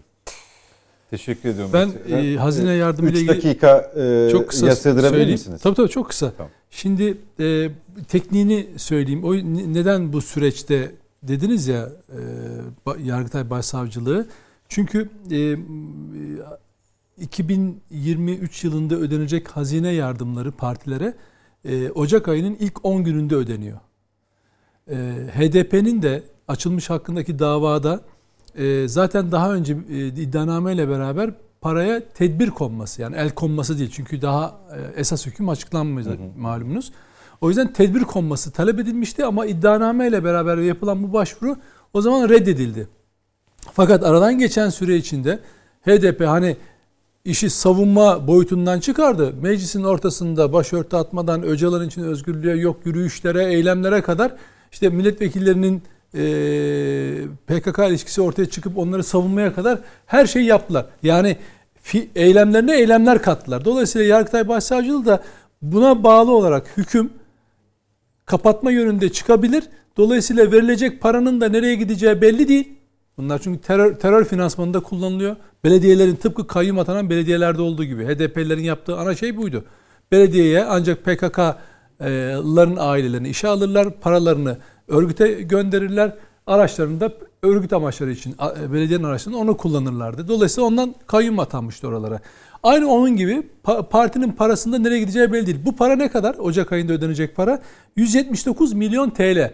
Seçim yılına girdiğimiz için de yani seçim olacağı için de bu 3 katına çıkıyor. Rakam 539 milyon TL gibi acayip bir paraya geliyor. Tamam mı? Şimdi dolayısıyla devlet bu parayı verecek. Bu parti bu parayla PKK finansmanında bulunacak. Mesela örgüte eleman kazandırılacak. İşte geçen gün vardı bir tanesi yine açıklandı. İfadesinde geçiyor. Hangi milletvekili daha kimi nasıl gidiyor o elemanlar o paralarla? Bu partinin paraları oraya gidiyor. Terör finansmanında kullanılıyor. Dolayısıyla Yargıtay Başsavcılığı'nın vakit geçirmeden yani hüküm e, ilk 10 günü Ocak ayının ilk 10 günü gerçi bu ödeme yapılmadan bu başvuruyu yapması çok normal. Ayın son günlerinde Anayasa Mahkemesi muhtemelen tedbir kararı verecektir. Vermezse bakın Yargıtay Başsavcılığı elinden geleni yaptı. Vermezse bütün sorumluluk Anayasa Mahkemesi'nin boynundadır. Yani kapatma davası ile ilgili savunmalar alıp karar vermesi ama burada tedbir koyması gerekiyor. Peki. Ee, ara vakti son aramız bu. Dönüşte yavaş yavaş toparlayacağız.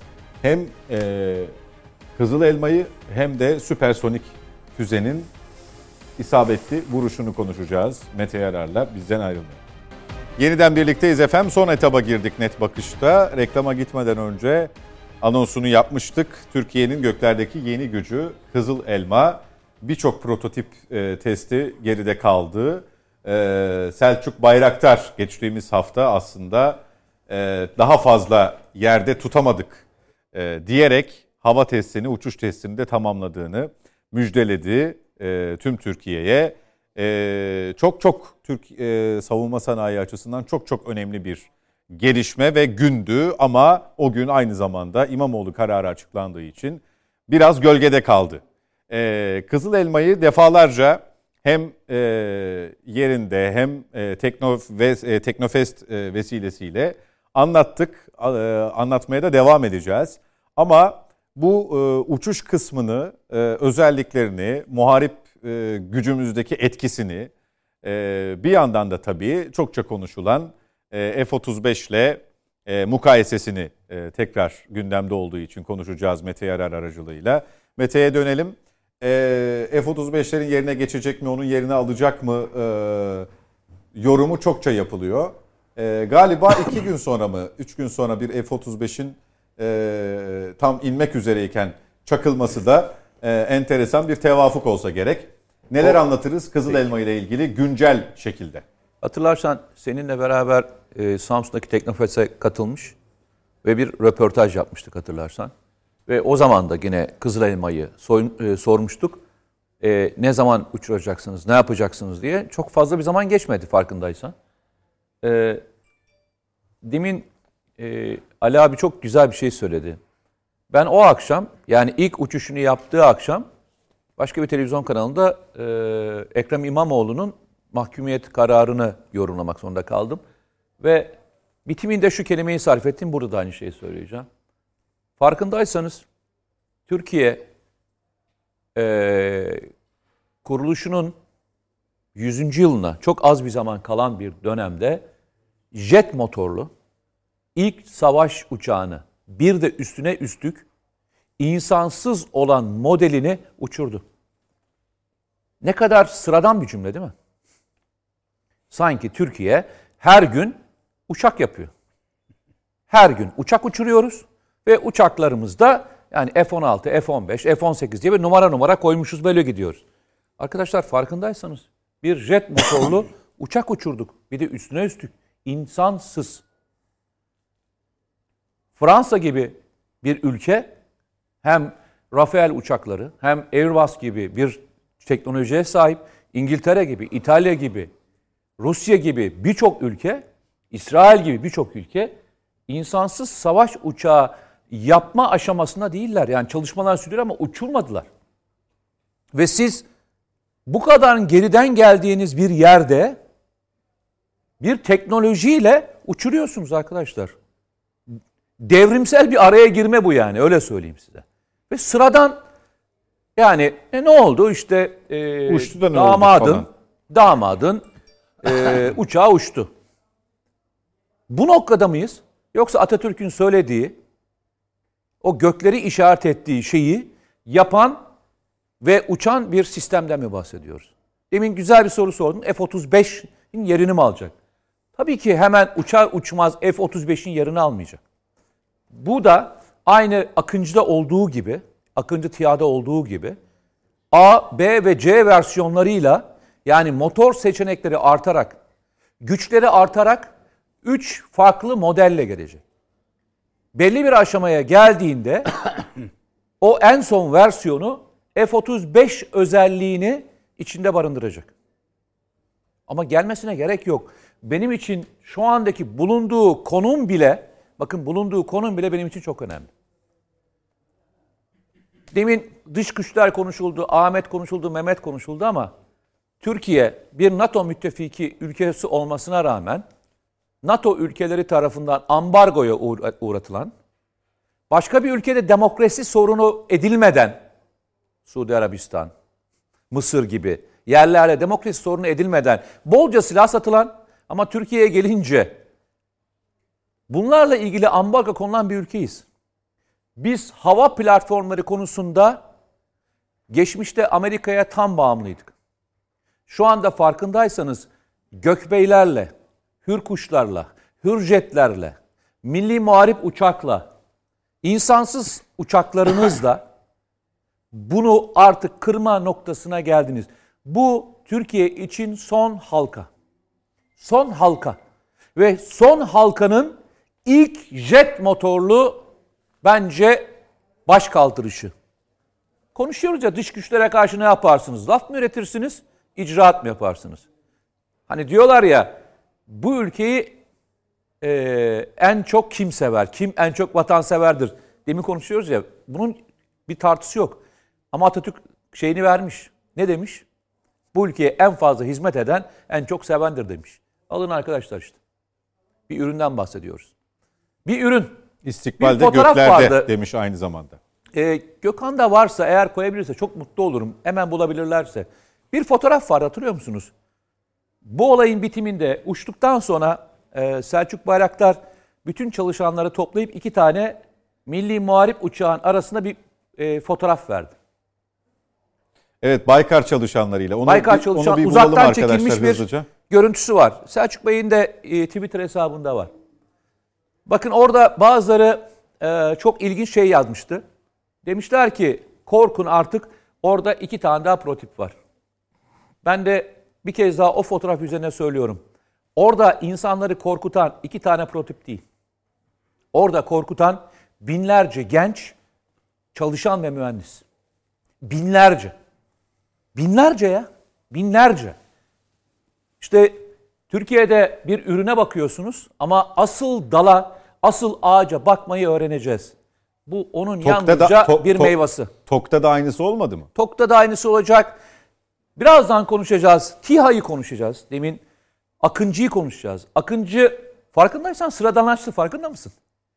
Yani Akıncı ilk çıktığında bir taarruzi insansız hava aracı. Bak bu da laf, bu çok büyük bir laf. Ne yapacak? Hava hava muharebesi yapacak. F-16'nın görevlerinin belli, belli görevlerinin üzerinden alacak. Yani hava yer görevlerini yapacak. Bunu da oyun kurucu hamle olarak yapacak. Evet şu evet o görüntü. Bakın o kadar güzel bir görüntü ki bu görüntü bazıları için iki tane prototip korkuttu diye yazıldı. Ben de söylüyorum. Asıl korkutan şu fotoğrafın içerisinde kızıl elmayı çeviren binlerce binlerce çalışan. O binlerce çalışanın yaptığı hizmet artık onlar bakın onlar binlerce ürün daha çıkartmaya devam edecekler. Şimdi Akıncı sırada anlaştı. Kızıl elma geldi ama Akıncı bu andan itibaren yapacaklarıyla milleti şok etmeye devam edecek. Yeni şimdi şoka bakalım. Nereye bakalım? Süpersonik füzeye bakalım. Evet. O da o da Bu da böyle çok- sıradan mı? O da o da sıradan bir şey. Bu da sıradan mı? Ha, Evet. Yani e, demin e, koymuştun ya şey. E, yok ha. ha. Evet. Bu neydi? Aslında bu e, Roketsan'ın yaptığı bir balistik füze. 70 kilometre menzilli, kızıl ötesi, e, isabetli vuruş yapabilen ve sahada da kullanıldığında oyun kurma yeteneği olan bir sistemdi. Roketsan bunu TİHA'ya yükledi ve bunu süpersonik füze olarak havadan yere attı. Havadan yere attı. Ne yaptı biliyor musunuz? Akıncı Çorlu'dan kalktı. 700 kilometre uçtu. Sinop'a 100 kilometre kala havada bunu fırlattı. Ve 100 kilometre menzilde neyi vurdu? karadaki bir yani denizdeki bir hedefi, Hedefi. vurdu. 70 kilometrelik menzil 150 kilometreye çıktı. Bu sistem 150 kilometre bir menzilde her türlü hedefi vurabilecek imkan ve kabiliyetine sahip. Başka bir şey daha var. Bu Türkiye'nin ilk süpersonik havadan karaya attığı füze. Süpersonik yani bir makın üzerinde bir hızla gidebilecek bir sistem. Ama asıl vurucu etkisini biliyor musunuz? Bunu bu füzeyi hiçbir hava savunma füzesinin sisteminin durdurma imkan ve kabiliyeti yok biliyor musunuz? Asıl şey o biliyor musunuz? Bunu ancak anti balistik füze durdurma yeteneğine sahip olan sistemler durdurabilir. Bu TİHA'dan atıldığında Yunanistan'ın örnek verelim Yunanistan'ın elindeki hiçbir sistem bunu havada vurma imkan ve kabiliyetine sahip değil. İşte oyun kurmak tam da bu. Ya da oyunun kuralını değiştirmek. Ben eee Yeni bir oyun kurmak olarak a- a- Bunlar her bir oyun kurucu. Ama Türkiye şunu e, etrafına şu şekilde gösteriyor. Arkadaşlar diyor yani bakın siz başka ülkelerden malzeme alarak bu yarışı sürdüremezsiniz. Bu sizin sürdürebileceğiniz ve takatınızın yetmeyeceği bir şey. İteklemeyle ne kadar gideceklerini bilmiyorum. Bunun aynısı İsrail'de var. Ve bunu İsrail'den alıp almamayı tartışırken Yunanistan ki çok pahalı bir sistem. Türkiye daha tartışmanın odağında noktayı koydu. Peki bitti mi? Arka arkasına gelecekleri söylüyorum. Bir müddet sonra ki çalışılıyor şu anda. Akıncı'dan Çakır füzesi fırlatılacak. Yani Türkiye'nin seyir füzesi fırlatılacak. Bitmedi. TB2'den TB2'den hava hava muharebesi yapacak olan Sungur füzesi fırlatılacak. Yani TB2 fırlattığı füzeyle bir hava sistemini havada vuracak. Hava sistemini hava hava muharebesi yapacak olan. Şimdi düşünün. Size uçak vermiyorlar, size sistem satmıyorlar ama siz adam bir tane satmıyor. Siz sahaya şöyle elinizle yüzlerce şey sürüyorsunuz. Hamle sürüyorsunuz. Buna baş etmek mümkün müdür? Buradaki herkes şunu bilir. Ee, ülkelerin soft power dediğimiz yani yumuşak gücü de sert gücü de vardır. Ama önemli olan şeylerden bir tanesi karşı tarafa diplomatik anlamda orta nokta bulunacak noktaya ki bu bazen Suriye için bazen diğer alanlar için de geçerli. Gücünüzü çok net olarak göstermek zorundasınız. Bunların her biri birer birer gelmeyecek artık. Bakın hatırlayın sizinle beraber e, senin de bulunduğun ortamlara gittiğimizde biz senede bir defa bir olayı anlatırdık. Sonra bu 6 aya düştü. Sonra aya düştü. Sonra haftaya düştü. İnanın aynı gün içerisinde şu anda bir veya birkaç tane yeni sistemin hayata geçtiğini görüyoruz. Bakın bir veya birkaç tane diyorum. Bunun bu sistemin atıldığı günlerde biz o hafta neleri konuştuk biliyor musunuz? Albatros S'i yani sürü kamikaze deniz araçlarını konuştuk. 8 tanesi beraber ortak hareket etti. Aynı gün TİHA'yı konuştuk. Yani şeyi konuştuk. Ee, Kızıl Elma'nın Kızıl Elma. uçuşlarını konuştuk. Aynı hafta TGR 230'u konuştuk. Aynı hafta içerisinde Türkiye'nin yeni sistemleri konuşuldu. Siper, diğer sistemler. Yani Türkiye şunu söylüyor kardeşim. Elinizdeki en büyük hamleniz savunma sanayi ile ilgili ambargoydu. Artık bu sizin hamleniz yok. Yapacağınız ikinci hamleniz kaldı. Enerjiyle ilgiliydi. Ben enerjiyle ilgili de hamlemi yapıyorum. Yani Türkiye'yi sıkıştıracak hamleniz buydu. Türkiye'nin en yumuşak karnı hala aynı yer. O da ne? Ekonomi. Bir tek o kaldı.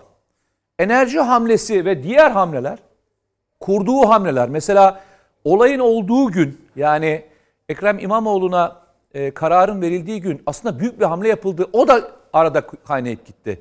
Azerbaycan, Türkmenistan ve Türkiye Üçlü zirvesi. Türkmenistan gazının Türkiye üzerinden, daha doğrusu Azerbaycan ve Türkiye üzerinden